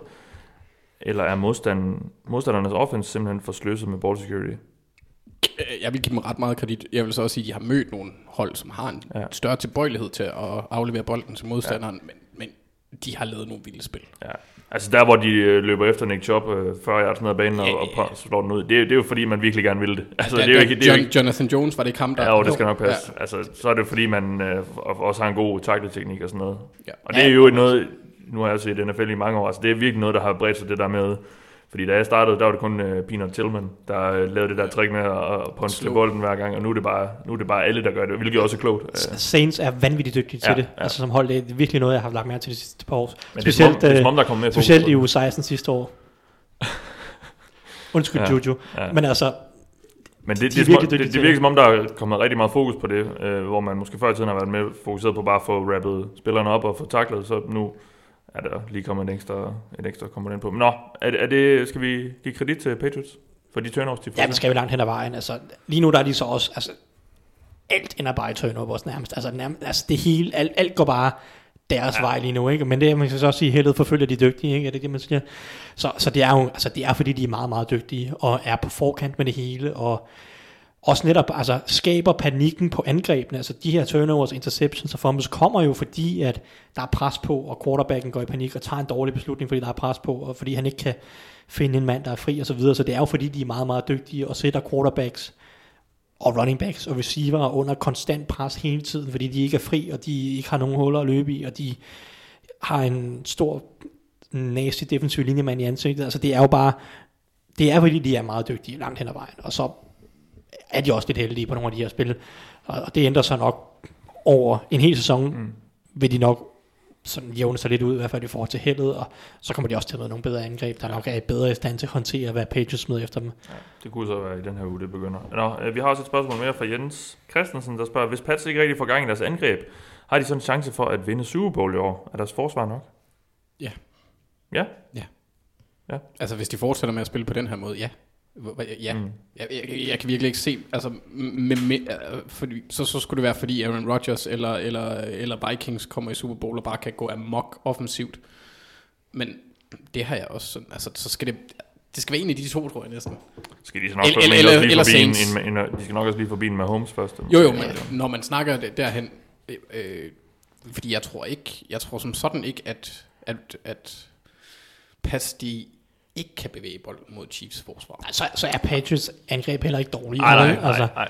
Det er bare fordi Patriots angreb er lige nu er det gennemsnitligt, og det har vi ikke været, det har vi nærmest ikke set de sidste 20 år, vel? De, de er, det virker lidt som om, at Patriots, de er lidt ligesom Patriots som hold, eller Patriots angreb er som Patriots hold. De er, hvad de har behov for at være. Ja. Men de er også ret meget ramt af skader nu, især på den offensive linje. Og, Det er jo det er noget af det, og, og og nu har man lige fået en Sanu, der lige skal ind og i rytmen. Og og. Nikhil Harry kommer tilbage, ja. og, Benjamin Watson er lige kommet tilbage, så der er også en, formentlig en forventning om, at angrebet kan blive bedre i løbet af sæsonen, og det er også en færre forventning langt hen ad vejen, hvis de undgår nye skader selvfølgelig. Ja, ja. Så, så altså, Patriots er et også godt, hold, godt offensivt hold. De skal nok kun score point, det er ikke det, der er problemet. Nå, så lad os gå videre til den næste kamp. Det er Texans Jags. Ja, Men jeg må Og- slet ikke få lov til at Nå, tale jo, øh, for Ravens. Vi skal Og også jeg- jeg skal også jo, jeg har bare travlt med at høre om den der London-kamp, vi skal over se. Nå, jamen, Ja. vi, vi skal have et spiltid for dig. Det er ligesom mig og spare ribs. Det er, den, det, er det forhold, jeg har. Ja, okay. Jeg skal bare til det. Ja. Øhm, altså, i det her scenarie, jeg har sat op, der kommer der ikke til at blive alt for mange point, der bliver scoret. Så jeg har, øh, hvis man satser på, at der bliver scoret under 36,5 point, hvilket er lavt, det skal siges. Ja, det er meget lavt. Det er meget lavt. Der må være pæne odds. Det giver 3,85 igen. Man kan også, hvis man vil twiste og have lidt Ravens, under 14,5 point giver 3,70. Og i det scenarie, jeg har skabt, der er det det, der giver sådan bedst afkast. Men det er selvfølgelig også lidt satset. Det er det altid, når det er for mig. Yes. Nå, Thijs, du må godt få lov at snakke lidt om Ravens. Hvor, Ja. Hvorfor vinder de? Ja. Nu har jeg lige siddet og sagt, at så er Patriots angreb heller ikke værd. Men Patriots angreb har været middelmådet. Hvis vi nu tager det sådan helt generelt, traditionelt set, så har måden at stoppe Patriots angreb altid været, have nogle gode cornerbacks, der kan spille man coverage, sidde tæt på receiverne, og så have et pass rush, der kan komme ind til Brady hurtigt. Vi har set nogle af de hold, der har haft succes gennem årene mod Patriots, altså sådan mest historisk sådan Giants, Broncos, Rex Ryan's Jets også. Red Giants, Jets, Broncos øh, i 15, og Houston Texans har også haft et par iterationer af nogle forsvar, der kan gøre noget der.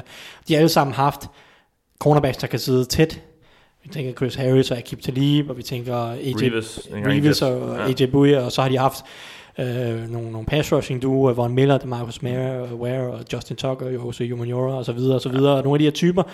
Øh, og der må man sige, har Ravens det, de har cornerbacksen til det, synes jeg, langt hen ad vejen. De har cornerbacks, Marlon Humphrey, Marcus Peters, Brandon Carr, der kan spille det her man coverage på et højt nok niveau til at lukke Patriots receiver ned ad langt den vejen. Har de så pass rusher? Måske ikke. I hvert fald ikke på det niveau, som vi har tidligere været kendt for at slå Patriots. Men så er spørgsmålet, hvor meget skal der til for at slå Patriots offensiv linje lige nu? Fordi som du siger, Mathias, så har de nogle skader lige nu. Isaiah Wynn er ude. David Andrews har været ude hele sæsonen. Og, og lige nu, der fungerer den offensiv linje ikke super godt. Marshall Newhouse, som spiller venstre tackle lige nu, han er, ikke, han er ikke den bedste. Der er en grund til, at han var jobløs, inden Patriots samlede, samlede ham op. Marcus Cannon er stadig kun en gennemsnitlig tackle.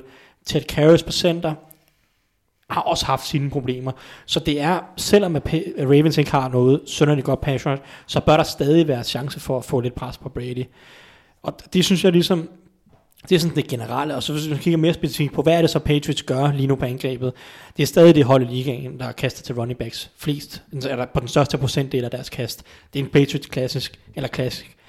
Ravens er så et top 5 hold til at stoppe running backs i kastespillet, så de bør være rimelig godt besat til at stoppe James White og Rex Burkhead og Sonny Michel. Sonny Michel griber ikke så mange bolde, men, men, men det er det ene ting af det. Og så kan man sige, at har Patriots og receiverne til at slå de her cornerbacks, så synes jeg ikke, de har, jeg synes ikke, de har en sønderligt sammenspillet receivergruppe med Julian Edelman og Philip Dorsett og Jacoby Myers, Mohamed Sanu, måske en Gil Harry, der kommer tilbage den her uge, formentlig.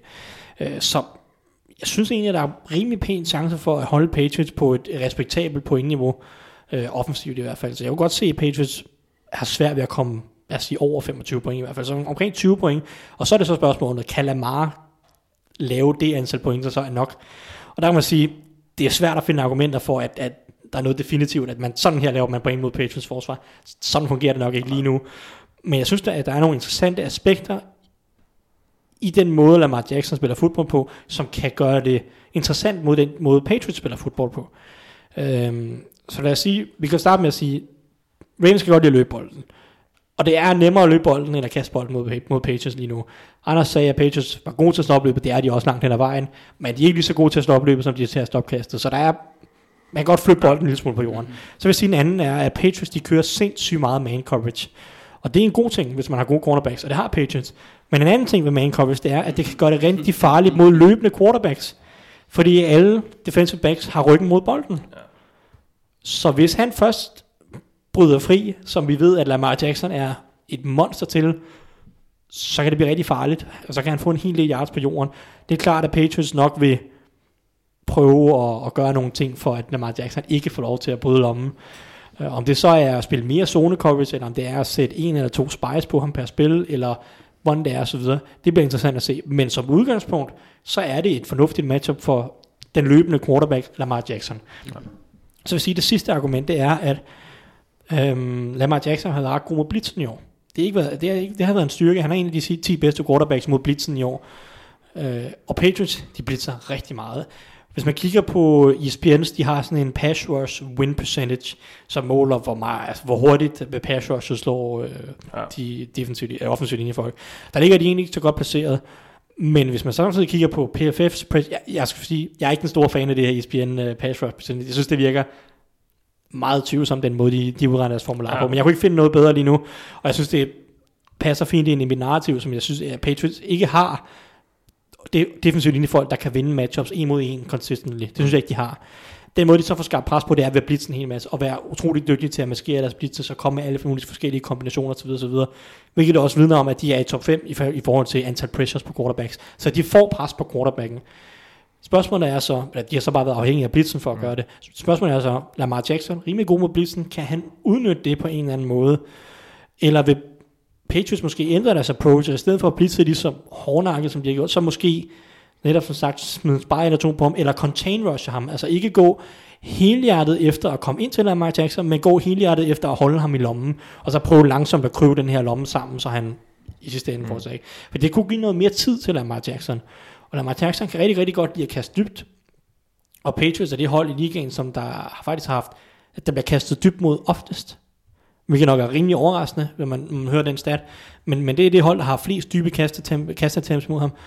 Og, og det synes jeg vidner om, at de, de spiller meget man coverage, så de på en eller anden måde inviterer til at kaste lidt dybt. Det skal så siges, at de er brandgode til at stoppe det dybe kast, fordi de har så gode cornerbacks. Men spørgsmålet er så, hvis du giver Lamar Jackson lidt mere tid, og skal gøre det over for en type som Marquise Brown, der har umanerlig meget fart. Vi har set Tyreek Hill tidligere have succes mod Patriots.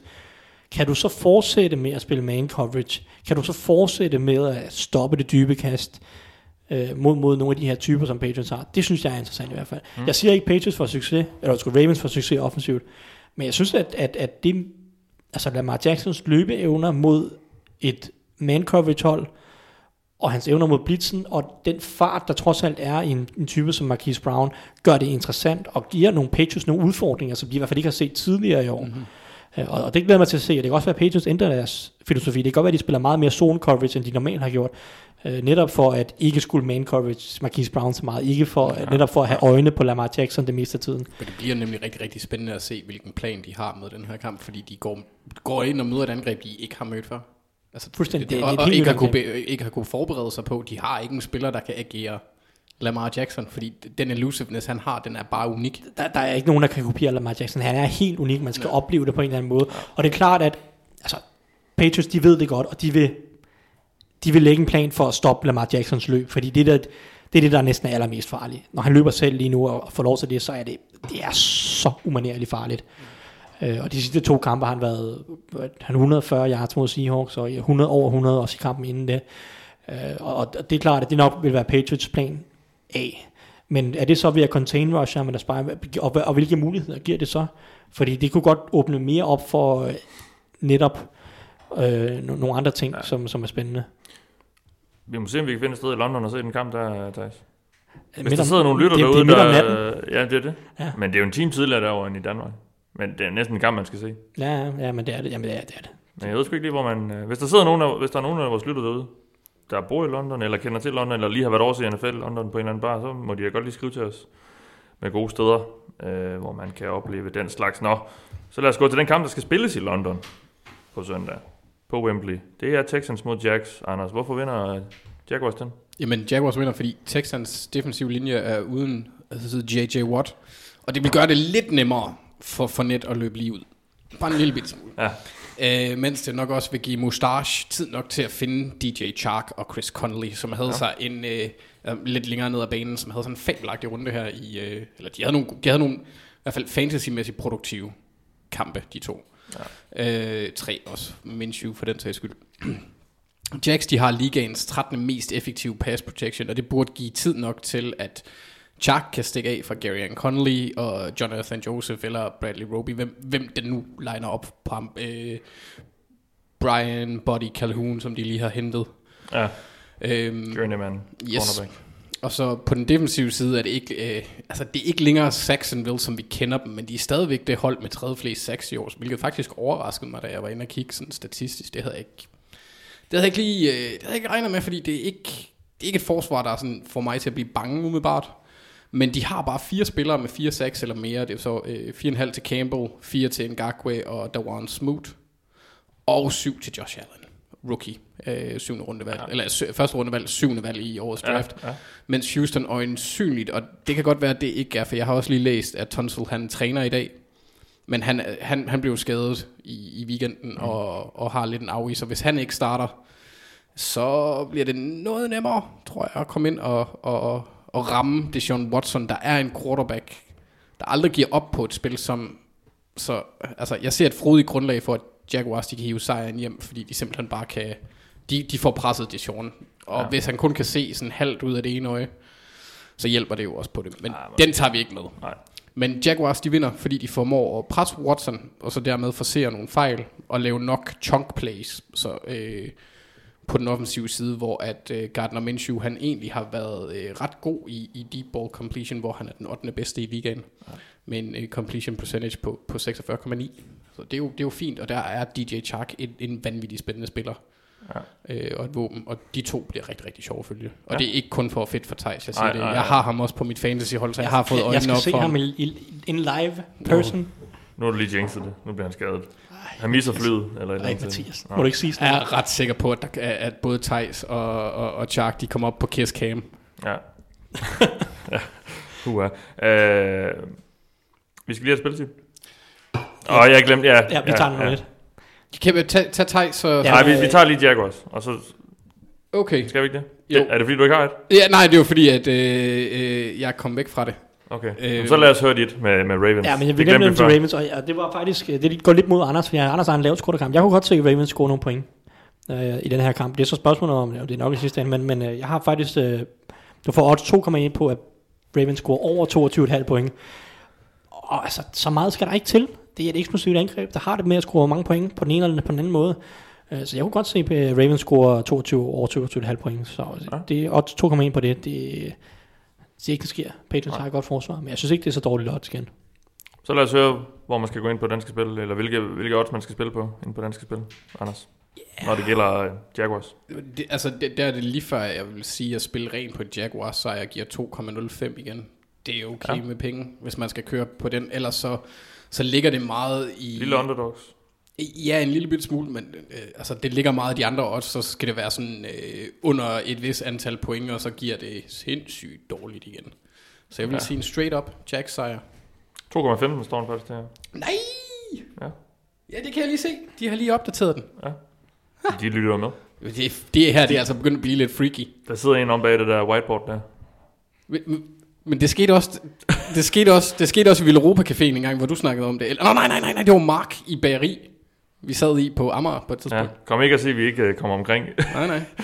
vi har mange øh, Men danske spil ved, hvor vi er. Skræmmende. tilholdssteder. Ja, de, de følger med. Men øh, de har også investeret i os jo, så jeg kan da godt forstå, at de gerne vil vide, hvad det er, vi laver. Nå, Texans. Thijs, hvorfor Ja. vinder de over Jacks? Jamen, øhm, Texans og Jaguars har spillet mange mærkelige kampe i de sidste, hvor der er sådan nogle lavt scorende øh, kampe, hvor at Jaguars har startet en eller anden dårlig quarterback, og Texans har ikke kunnet flytte bolden, fordi deres offensiv linje bare er blevet spist levende. Øhm, så jeg tror, det bliver en anderledes kamp i år. Øh, og der er der to ja. grunde til. Den første er, at øh, en af tingene, som Texans har haft lidt svært ved de sidste par år, det er, at øh, DeAndre Hopkins har været svært ved, og haft svært ved at blive involveret på samme måde, som han er i mange andre kampe. Og det har Jaguars typisk gjort ved at øh, sætte Jalen Ramsey på ham. Men der er ikke nogen Jalen Ramsey i Jaguars længere. Nope. Så jeg stoler ikke super meget på, at AJ Bouye, Trey Herndon og DJ Hayden kan stoppe DeAndre Hopkins på samme måde. Så det gør, det gør at, at Texans får noget bedre muligheder, eller noget bedre forudsætninger for at flytte bolden offensivt. Og det er en anden grund til, at de også flytter bolden bedre offensivt, tror jeg, det er, fordi den offensiv linje er bedre i år. Netop som sagt, altså grunden til, at Texans har haft store, store problemer i det her matchup, det er, fordi den offensiv linje bare er blevet spist af Ngakwe og Calais Campbell. Hvad er det? I 2017 havde Calais Campbell 8-6 over de, over de to kampe mod Texans. Uh, det, det tror jeg ikke kommer til at ske i år. Um, fordi et, Lamar Thompson er formentlig med, forventer vi i hvert fald, han har været rimelig fornuftig på venstre tackle, kommer formentlig til at holde rimelig godt styr på Yannick Ngakwe. Og så vil jeg også sige, indvendigt har det, har det været nogenlunde fornuftigt med, med Nick Martin, Zach Fulton og, og Max Sharping. Og nu kan det godt være, at, at Calais Campbell han spiller endnu en pragtkamp, som har en tendens at gøre mod, mod Texans, men det, de bør ikke kun overtage kampen, den her defensive linje. Øh, også fordi, at, at nu, nu må vi lige se med Titus Howard, men der er i hvert fald en chance for, at han er tilbage den her uge. Det har været lidt svagt med Chris Clark øh, i, i, i den her weekend mod Raiders, hvor han højre tackle. Det var lidt et problem, og han bliver nok øh, også et problem for Texans, hvis han starter igen. Øh, men lad os sige, at Titus Howard også er tilbage, og så har Texans deres fem starter på den offensive linje, og så tror jeg godt, de kan levere en bedre præstation, end de har gjort meget af det sidste, eller mange af de sidste år. Og, og så, så er der flere point i de her Texans angreb, end hvad der har været tilfældet. Jeg tror i uge 2, hvad bliver kampen, den bliver sådan noget 13-10-agtigt. Øh, Jeg tror, der er flere point i Texans den her gang, alene på grund af, at Hopkins får bedre arbejdsbetingelser, og den offensive linje er, er bedre, end den har været de sidste to år. Og det har været det helt store problem mod det her Jaguars hold for Texans. Ja. Øh, Og så er der sådan set ikke så meget mere i det. Det øh, jeg vil ikke lægge den her kamp på, på Texans forsvar og vinde den. Det, skal være, det, det er det Sean Watson og Hopkins, der skal vinde den. Ja. Så måske en, en sidste ting, det er, at så god har Jaguars ikke været til at stoppe løbet. Og Bill O'Brien som spilkalder virker meget bedre, når han kan få lov til at løbe bolden lidt for meget. Og det kan han godt få lov til mod, øh, mod Jaguars. Ja. Um, så så det, det, det er sådan lidt, det, bare fordi Bill O'Brien ikke er den bedste offensive koordinator, at, at han kan få lov til at løbe den lidt mod Jaguars. Og Ja. det, det, så bliver han ikke glad, tror jeg. Har du spiltip? Ja, og det er, at øhm, jeg synes, Texans må være favoritter i den her kamp. Og hvis de får lidt gang i offensiven her, hvilket jeg synes, der er forudsætninger for, så kan de godt vinde med kampen halv overbevisende. Så jeg vil faktisk sige, at, at hvis du er lidt modig, så kan du spille på, at Texans vinder med mindst 7 point. Så får du 3,5 gange, 0 3,05 gange pengene igen på. Um, og det, det er selvfølgelig et sats, fordi det er et sats, at, at Jaguars ikke præsterer så godt, men jeg synes, at Texans er det mest talentfulde hold. Og jeg tror godt, de kan sætte point på tavlen i en grad, som at man måske ikke kan forvente, at min 20 sætter på tavlen. Jeg kunne godt finde på det, Mm. men, øh, men, men øh, Watson, han bør, bør kunne vise forskel. Godt, så lad os lige få bud på en uh, overraskelse i den her uge. Det er jo der, hvor vi kigger på ugens underdogs, og, og spurgte lidt om, hvem vi, kan, hvem vi tror, der kan overraske. Nu kan jeg lige tjekke, uh, hvem er ugens største underdogs. Det er Redskins, tror jeg. Og det giver ikke ret meget igen, Nej, faktisk. odds 5 mod, mod Bills. Ja. Ja, Ja, så har jeg været ellers Cardinals må også give en del igen. ja 4-4. Cardinals 4-4. Ja. ja, nå, men hvad tror I på? Altså Cardinals kunne da være frækt, men nu er det torsdagskampen, så den holder vi os fra. Ja, jeg tror heller ikke Øh. mod... Ikke, nej, det tror jeg ikke på. Nej, Jeg, tager, øh, jeg, jeg, har, jeg, har, jeg har holdt mig til Dolphins hjemme mod Jets. Og der er ikke super meget logik, og, øh, udover at Jets det virker som et hold, der ikke kan finde ud af at spille fodbold. Det gør, det gør Dolphins også, men som Tyson pointerede tidligere, så virker det som om, der er lidt mere en plan i, med, hvad de har gang i. Ja. I hvert fald i starten af kampen, hvor de ligesom inden de bliver kørt ned. jeg tror, de har tabt anden halvleg med cirka 120 point her i de første syv kampe, så de, Yes. De kommer ud med en fin gameplan, og så fisler det, så, så, så, dør, det lidt så dør det lidt. Ja. Ja, og de har lige smidt Xavier Howard på IR, så det, øh, den er selvfølgelig svær, men jeg synes også, en anden en, som, nu skal jeg ikke tage for mange, fordi jeg ved ikke, om det er den Thijs har, den var hjemme mod Browns. Det er ikke den, jeg har. Den synes jeg også er svær, fordi altså, det er også en af dem, der giver meget igen, hvor det burde give mening. Altså, de, men med Brandon Allen bag center, ja. så er det svært. Men Browns ligner lort. Baker Mayfield, han er lige stormet ud af en pressekonference. Øhm, der, det virker ikke til, at de ligesom er send. Um, er Drew Lock skadet?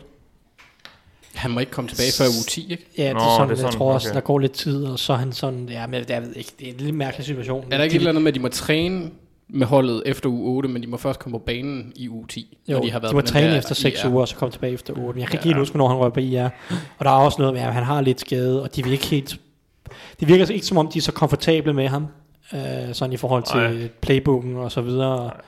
Så de virker til, at jeg gerne vil... Jeg tror, der var snak om, at de har vist bye week i uge 11, så efter bye weeken kan man okay. Måske forvente at se ham, men uh, det, det, det bliver en prekær situation, fordi han får ikke ret mange kampe og til at bevise noget, og Broncos kunne godt være et hold, der ender med et højt draftvalg, og så sidder Elway der, og så er der en anden Justin Herbert-type, som har en meget stor arm i draften, og så... Pff, Ah, en, en, en, en, en, Ah, jeg, Oregon, en Oregon, men en Oregon quarterback, Altså, nok var et anden rundevalg, ikke? Og hvis han spiller dårligt de, for de sidste fem kampe af sæsonen, og, og Elway Så fyrer de Elway, så ryger Elway.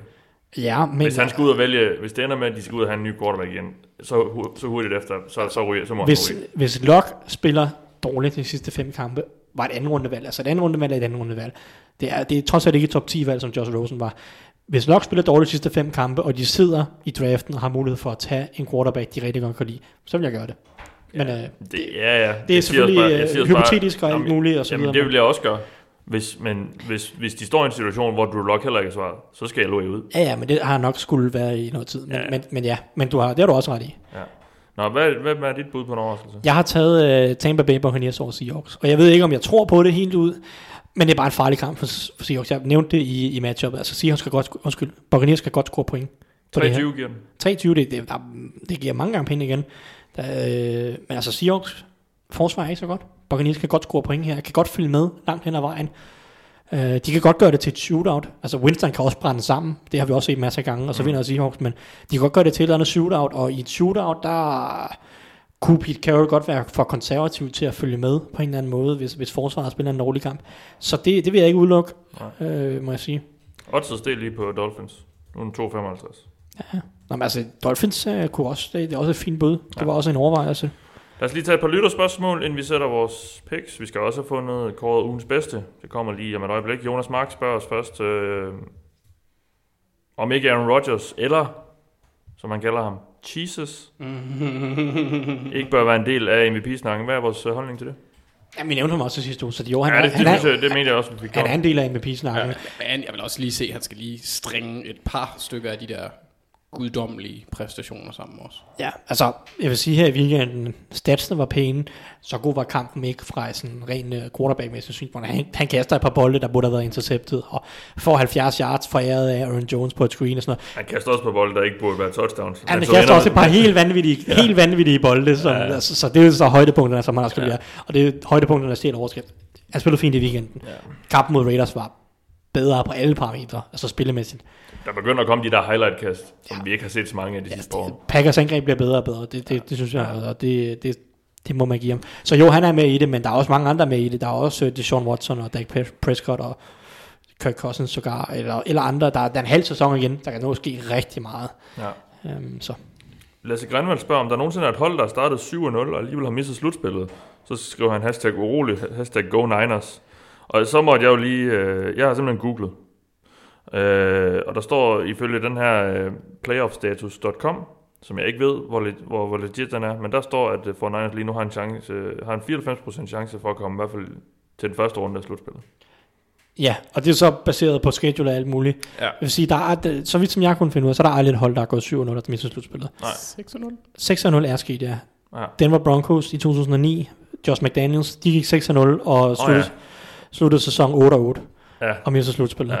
Altså det dårligste nok, den bedste, den største formøbling af en god record var nok Dolphins i 1993, så de var 9 og 2 og taber de sidste fem kampe og går 9 og 7 og mister slutspillet. Øh, ja. Det er nok den største formøbling af, af en god slutspilchance. Men der er aldrig et hold, der er gået 7-0 og har mistet slutspillet. Nej. Så jeg har også fundet de der 94% et sted, så kan jeg se, at Football Outsiders har dem til 98%. Så altså, Ja. men der er aldrig, der er et 7-0 hold, der har mistet slutspillet. Nej. Øh, jeg tror, det seneste store kollaps, hvis man ser bort fra dem, var, så var der Vikings, der gik 5-0 i, var det 2015 eller sa- 2016, tror jeg. De, de var 5-0 og mistede slutspillet, men det var vist også, øh, det var, ja, det kan jeg ikke huske, det er også ligegyldigt, men altså, nej, der er ikke Det- noget, nej, der, der er ikke noget 7-0 hold, Nej, og for Niners skal nok komme til men jeg tror faktisk, deres chancer er lavere end mange andre 7-0 hold, fordi deres division er så stærk. Øh, fordi Ja. ja. Seahawks er 6 2, Ja, ja, og altså, jeg tror, de har lavere slutspilchancer end for eksempel Saints, som jo er øh, 7 1, må de være. Ja, Og- de ligger med 96% chance for at komme i, i Præcis, første runde af slutspillet. præcis fordi at deres division er ikke så stærk. Der er ikke, noget, der er ikke lige så mange trusler, der ligger lige bagved. Altså, for Niners taber, hvis de taber de to næste kampe, så kan de ligge, har de ikke ligge tre i divisionen, fordi de har Rams indbyrdes, ja. ikke? men de kan lige pludselig være bagud i divisionen. Ikke? Mm. Og der, Saints med to nederlag, så fører de stadig divisionen. Ja. Patriots, Patriots ligger jo med 99% chance for at komme i uh, første runde. Så det er samme som inden sæsonen Ja. startede. Ja, og 91% for at, komme, for at nå til anden runde. Det er jo så fordi, at de lægger rimelig solide svinger til at tage en af de to uh, buys, fordi resten af FC ikke uh, er særlig tæt på Ja. lige nu. Og så er det ugens bedste spørgsmål, og det relaterer sig faktisk også til 49ers. Det er Philip Søren Bonnet, der spørger, løber 49ers bolden for meget til for eksempel at gå i Super Bowl? Og det synes vi er, er et godt spørgsmål, Philip, så tak for det. Og hvorfor synes vi det? Jamen det er jo fordi, vi godt kan lide at snakke om det der med, om man skal løbe bolden eller ej. Men Thijs, der er jo... Øh, vi kan jo egentlig godt lide, at 49ers gør det. Fordi de er jo faktisk gode til det. Et langt hen ad vejen, ja. Ja. Altså, et, de er nemlig gode til det, og det øh, gør det i hvert fald mere spiseligt. To, de har et rigtig, rigtig godt forsvar. De har et historisk godt forsvar. Øhm, helt på højde med Patriots. Jeg ved godt, Patriots har endnu flere turnover, så det er sådan, det stjæler endnu flere overskrifter, og Patriots stjæler mange overskrifter. Øh, men, men forsvaret er helt på højde med, med, med Patriots forsvar. Så det gør jo så også, at de, de kan tage, for det der er løbebolden, øh, ja, du scorer ikke typisk lige så mange point, som hvis du kaster bolden meget. Men det er også, trods alt, øh, mindre risikofuldt. Der er færre turnovers ved at løbe bolden. Typisk så kommer turnovers gennem interceptions eller sacks af en quarterback. Og, og det er mindre risikofuldt, og der kan man sige, at 49ers stoler rigtig meget på deres forsvar lige nu til, at øh, modstanderen modstanderne de scorer ikke mere end hvad, 10-15 point. Og så kan de godt løbe bolden og score 20-25 point, og det er så det. Så vil jeg så også sige, at for Niners løber bolden klogere end, nu har jeg, jeg brokker mig jo egentlig meget over Seahawks, og øh, hvis man kigger på, hvornår de løber bolden, så løber 49ers bolden klogere umiddelbart. Hvis man for eksempel tager med min dødssøn anden og lang, Ja.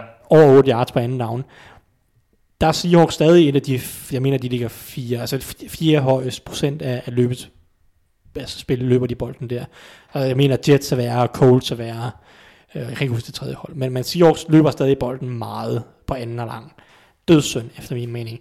For Niners ligger stadig på den side af sådan gennemsnittet, hvor de løber bolden mere, end, end, end gennemsnittet gør, men det, det, det, det er rimelig tæt på gennemsnittet. Jeg mener, de ligger sådan noget 22-21-agtigt. Så taget betragtning af, hvor godt løbeangreb de har, og hvor lidt de ofte er presset. Her snakker jeg anden og lang i kampen, når kampen er tæt, det vil sige inden for en scoring.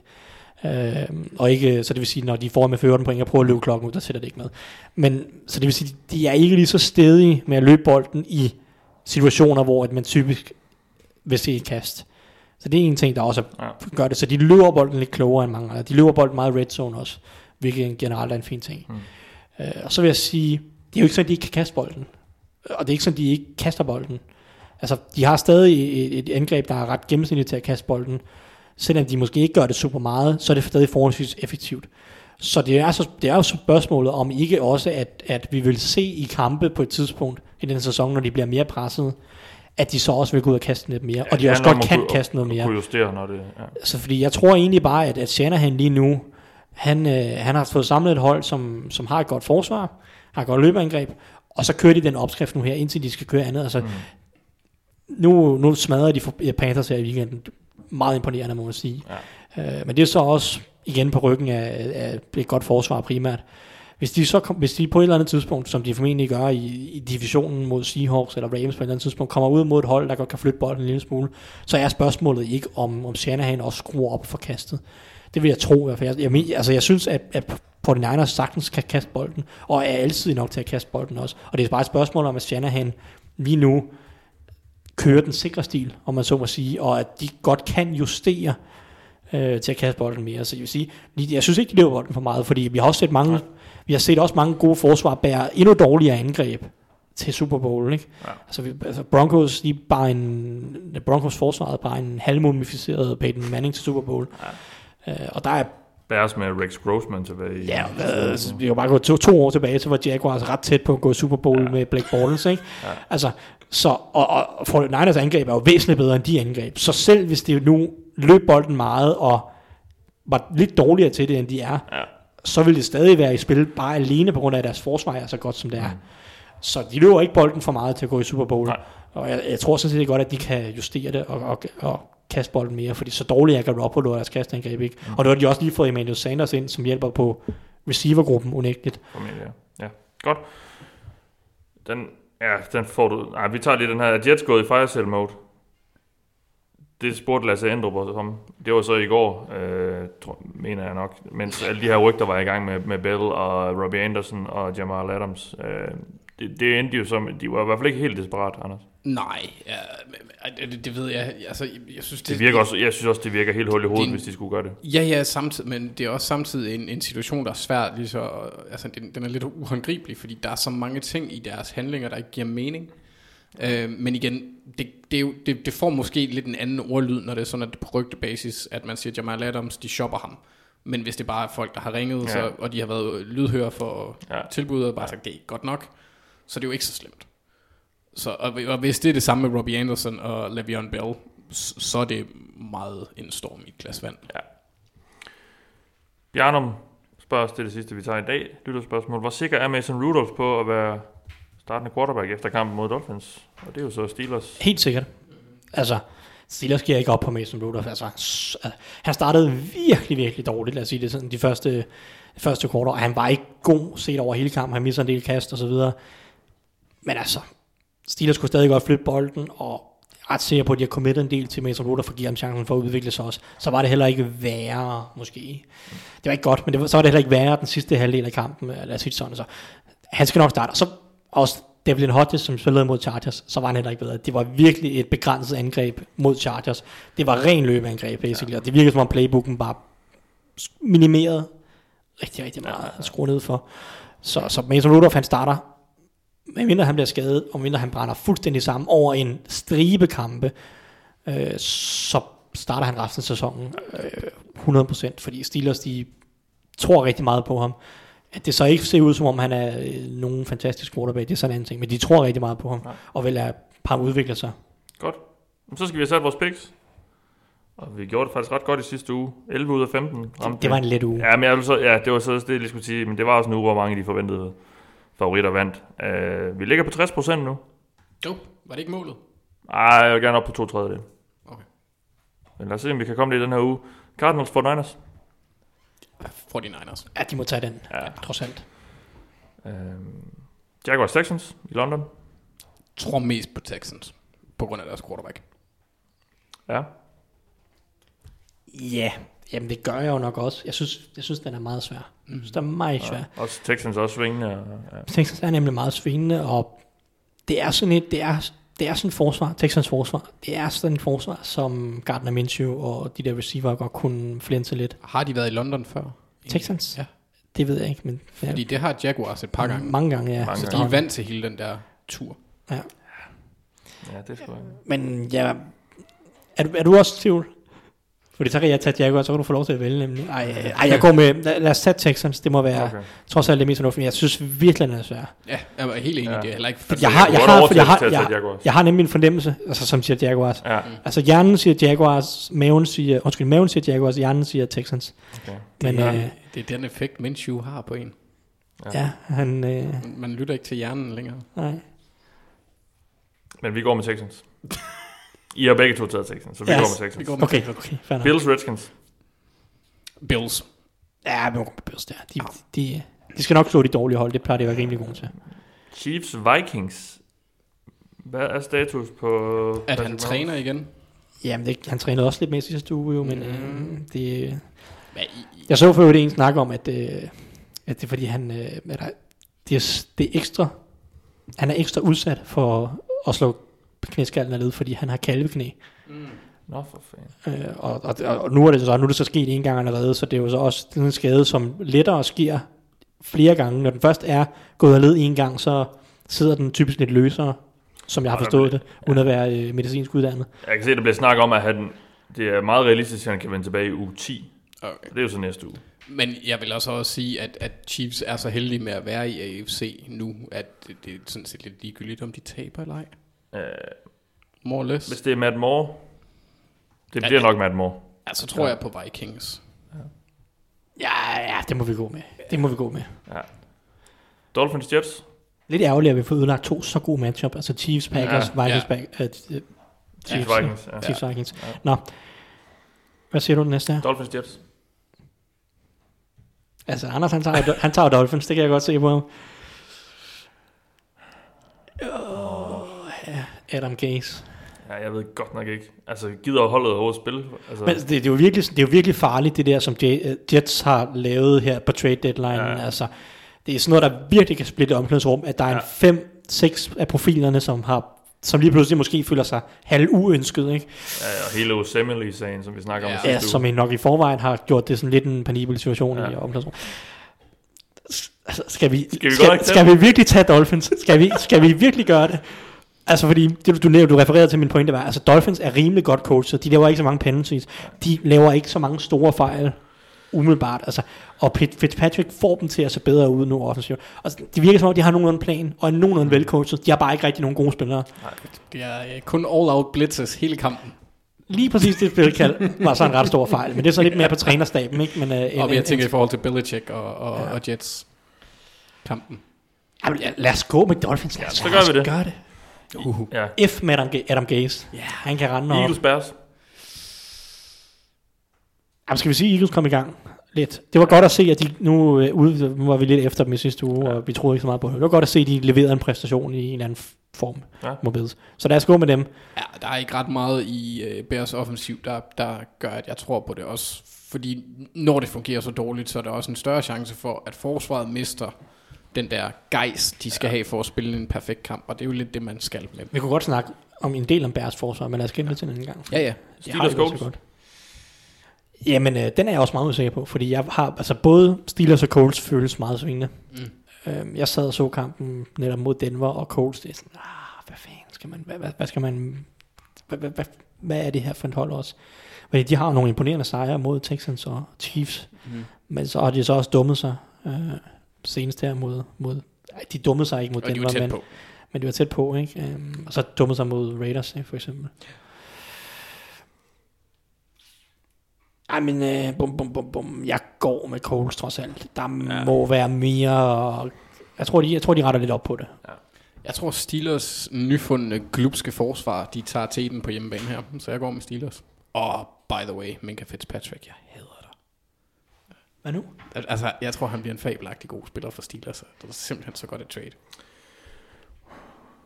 Ja, så skal jeg vælge. Ej, jeg synes, jeg synes Colts er et bedre hold. Det synes jeg. Så dem går jeg med.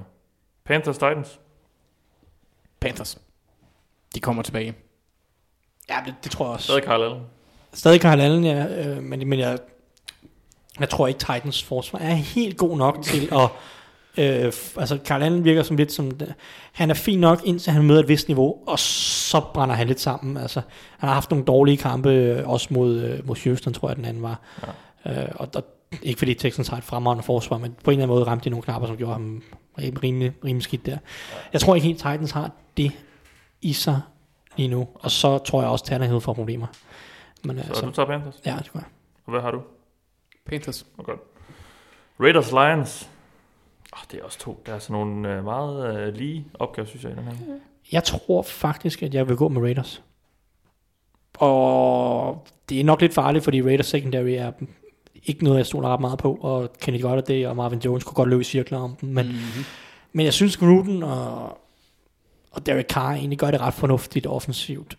Og Jeg synes altså også, der er et eller andet. Altså, jeg troede egentlig, det gik godt i Lions, nu så traded de Quandre Dix væk, og nu, Slay, nu var Slay også øh, rygtet i trades der. Så altså, jeg ved ikke lige, hvad der Ja, hvad men der, var det ikke hvad også der sådan noget med, at, at hvis det var sådan, at han skulle væk, så skulle det være en Ramsey-pakke? Ja, okay. Altså, så Men stadig, jeg, jeg, ja, jeg, jeg, det er bare sådan nogle, sådan nogle snakke der, det vidner bare om, altså, der, er- det er sgu ikke et balanceret hold, der, der ender altså, i sådan nogle jeg synes- jeg synes, historier der- der. Nej, men jeg synes bare, der har været mere i forhold til, hvad Lions har været, så synes jeg ikke, der har været super meget omkring den der øh, type, og det virker sådan, Men hvorfor overhovedet, altså, hvorfor er det overhovedet et emne, at de kunne overveje at trade ham? Han er deres klart bedste forsvarsspiller. godt spørgsmål, og spørgsmålet er så også, hvem der, om det er noget, de selv har i gang sat, Ja. eller om det er igen en af den der, man ved jo aldrig, hvordan det er blevet, Ja. Jeg læste også bare, den der Quandre Dix trade, den blev, den, den, der, den skabte lidt undren i omklædningsrummet. Ja, og også hos Quandre. Men det gør de der in-season trades nok generelt jo, men ja. sådan, i et hold, der egentlig havde noget momentum og sådan noget. Altså, ja. Nå. Men Hvad, det, hvad, hvad, tager vi? Du tog Raiders. jeg tog Raiders. Jeg tror simpelthen, at de... Jeg tror, der er lidt mere gnist i det. Det er også første hjemmekamp i fem uger, eller noget stil for Ja. dem, så Nå, jeg ja, tror, ja. de, Altså, jeg tror, de jeg- kommer med noget. jeg, jeg, jeg er tilbøjelig, altså jeg kan, jeg kan egentlig godt lide, altså Matthew Stafford har spillet en, en god sæson, øh, de har nogle, ja, nogle fine våben på ydersiden, og TJ Hawkinson er en, er en okay tight end indtil videre, kan lave nogle spil. Men, men jeg, jeg, Raiders har overrasket mig positivt, og jeg tror egentlig, at al den polemik, der har været om i off- off- off-season, har været positiv, så jeg tager over med dem. Godt. Ja, positivt for dem. Vi går med Raiders. Seahawks, Buccaneers. Jamen, øh, jeg snakkede om, at det kunne være ugens opsæt. Jeg går stadig med Seahawks, selvom at, øh, selvom jeg synes, den er farlig. Jeg synes, den er farlig ja. for, for dem. Men altså, på hjemmebane, der skal de, de Schottenheimer må vise bare en lille smule fornuft, og lade Russell Wilson kaste bolden. Ja. De, de, altså, hvis de kommer ud og bare tonser op igennem midten, så bliver jeg simpelthen så træt. Mm. Og der, jeg synes også, der har været tendens til, at de i nogle kampe i år har valgt at kaste bolden lidt mere, end de normalt ville gøre. For eksempel mod Steelers, hvor de sagde, okay, vi skal ikke løbe bolden alt for meget mod den her defensive linje. Lad os komme ud og kaste den lidt, og der var det forholdsvis effektivt øh, i uge 2 der. Ja, det vil heller ikke give mening mod box, hvis styrke er at stoppe løbet, og hvis svaghed er... Det er det, jeg mener. Det, det må de kunne se. Ja. Så må de gå lidt på kompromis med deres normale filosofi. Øh, Så jeg tager Seahawks trods ja. alt. Russell over, over James. Ja. Broncos, Browns. Det var kontroversielt, synes jeg. Ja, det ved jeg godt, jeg er crazy. Nå, øh, ej, jeg, jeg tager Browns her. Jeg, synes, ja. jeg er ikke helt sikker på, at jeg køber den lige så meget som Anders, øh, at det kan blive en tæt kamp. Jeg tror, at Browns de har styr på det. Jeg tror ja. ikke, at Broncos kommer med meget. Jeg tager også Browns. Chargers, Packers. Ja. Packs. Helt klart Packers lige nu, ja. Chargers er. Ravens, Patriots. Se, det er jo fristende at tage Ravens, fordi Det er i det, det, Baltimore. det er i Baltimore, fordi det er netop som du siger, i Baltimore, og det er første gang, at man det, det er nok første gang, man reelt set sidder og tror på, at der er et hold, der kan udfordre Patriots bare en lille smule i år. Så så jeg går med Patriots. altså, jeg kan bare ikke gå imod Patriots, før jeg har, Ej. set, før jeg har set det. Altså, Jeg, jeg tager også Patriots, men jeg håber der på, at det bliver lidt mere spændende, end nogle af de andre opgør. Ja. Ja. det, bl- altså, det bliver så fedt at se Lamar Jackson mod Bill Belichick. Det bliver så godt. Please. Det er det, jeg siger, vi skal finde et eller andet sted. Ja, men det, vi skal se. Ja. Ja. Det skal vi. Så Giants, Cowboys. Øhm, Undrer mig over, at den den ikke fik flere stemmer. En af de ældste rivalopgør. Ja, Og det ene hold har Saquon. What the fuck? og der er mange Cowboys-fans, så... det ene hold har også Daniel Jones og et mangelfuldt Lige præcis, forsvar, hvorfor blev han så ikke stemt? Ja. det ene hold har ikke andet end Saquon, det er nok derfor. Øh, Øhm. Cowboys. Ja, de ja. skal vinde den her. Det skal det være med dumme sig nu her i New York igen. Nu har de dummet sig en gang på det stadion. Jamen det var det for den her omgang af Det var vel kontor. Vi er tilbage allerede på mandag. Ja, du hørte rigtigt på mandag med en uh, lytterspørgsmål special, som vi optager i London med uh, Thijs og mig og et par andre gutter, som, uh, som sætter os ned. Og så tager vi nogle af de uh, spørgsmål, som I har stillet os i løbet af sæsonen indtil videre, men som vi ikke har svaret på, men som vi synes, man godt kan svare på nu, fordi de er lidt uh, tidsløse. Så dem uh, tager vi op. Der er uh, en del af dem. Jeg har allerede fundet dem frem.